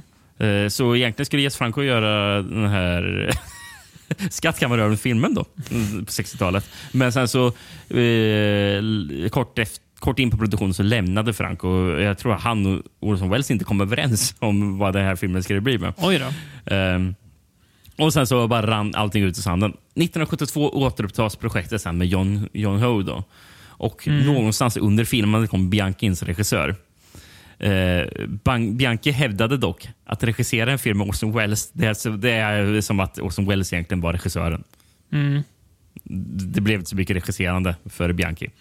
Vet du vem, vem som också står som uh, regissör på IMDB? Nej. Antonio Margheriti. Uncredit, uncredited. Okej. Eh, för kollar man så här, de officiella släppen av affischerna så står det ju bara John, John Ho som eh, Ja, ja, precis. Det är det jag kan tänka mig. regissör. Så det är ju väldigt oklart vad som gjordes på det där. Otroligt Om intressant. man inte gör mer av en djupdykning. Men det har jag inte gjort här nu. Som inte Här, här står det på... Nej, precis. På en, en, en, en, John Ho själv har sagt att det är jag som har gjort filmen och att Bianchi bara är med på eh, som co-director för eh, av eh, tax reasons. Men vem vet? Tax reasons? Ja, okej. men den har väl ganska... Ja, 5,8 har den som i betyg. Den ser ju väldigt frän ut ändå. Jag, jag måste läsa, läsa så kul grej. Så här, Mm. Spärra upp öronen, David, Mm. för den här Mm. trivian. Eh, Chicago Tribune skrev om filmen. Mm. Eller när de rapporterade om filmen. Mm. Och eh, Ska jag se vad de skrev? Under inspelningen av eh, Skattkammarön så åt Orson Welles till frukost. Han åt och drack till frukost varje dag. Mm. Fem humrar och två flaskor vin.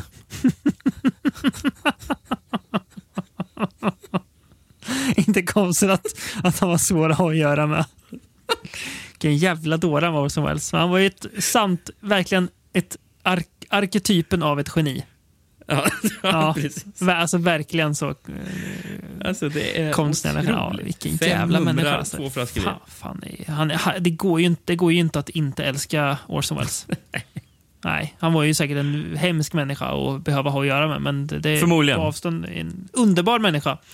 Det behövs mer sådana galningar. Både som han, som Franco, som Bianchi, även om de inte alltid lyckades med det de tog sig för så vore världen mycket fattigare utan dem. Där kan vi ändå eh, Det kan vi enas om. enas kring. Ja. Så ja, eh, vi kan väl eh, hinta lite om vad som ska komma eh, nästa avsnitt då kanske. Eh, vi ska ju eh, ringa in eh, eh, kärt eh, återbesök. Eh, vi ska få lite eh, hjälp slash gästning i podden Mm. nästa avsnitt. Eh, och vi ska prata om eh, saker som eh, egentligen är ganska små, men i vissa av filmerna kanske de är mycket större än vad de bo- borde vara och därför blir de ganska otäcka. Med en liten Mm, ja, ja. vag hint som Ja, vissa kanske tar och vissa kanske inte tar. Det får vi se. Men ja, eh, Bianchi. Det ska göras avsnitt om hon, honom också. Mm, och nu har vi Mm. faktiskt gjort det. Eh, Nu har vi gjort det. Inte min favoritregissör från Italien direkt. Nej, Eh, inte eh, min heller. Men eh, som sagt, det vore ändå ett fattigare land utan honom. Eh, Cry of a. Prostitute var min favorit i alla fall. Eh, Ja, om det inte väl- framgick. Det, Egentligen eh, min också, men jag, jag, jag, må, jag måste ändå eh, vifta en liten smutsig flagga för stackars lilla Malabimba. Eh, Jag tror det är många som håller med dig om den. det kommer vara många, många, många härligt sj- sj- sjuka individer som eh, kommer nicka och säga jajamän, jajamän. Exakt. Och vi tackar alla er sjuka och friska individer för att ni har eh, tagit igenom er ännu ett, ett avsnitt av den här eh, långköraren som bara tuffar på. Eh, så kör vi vidare om ett par veckor igen. Ciao!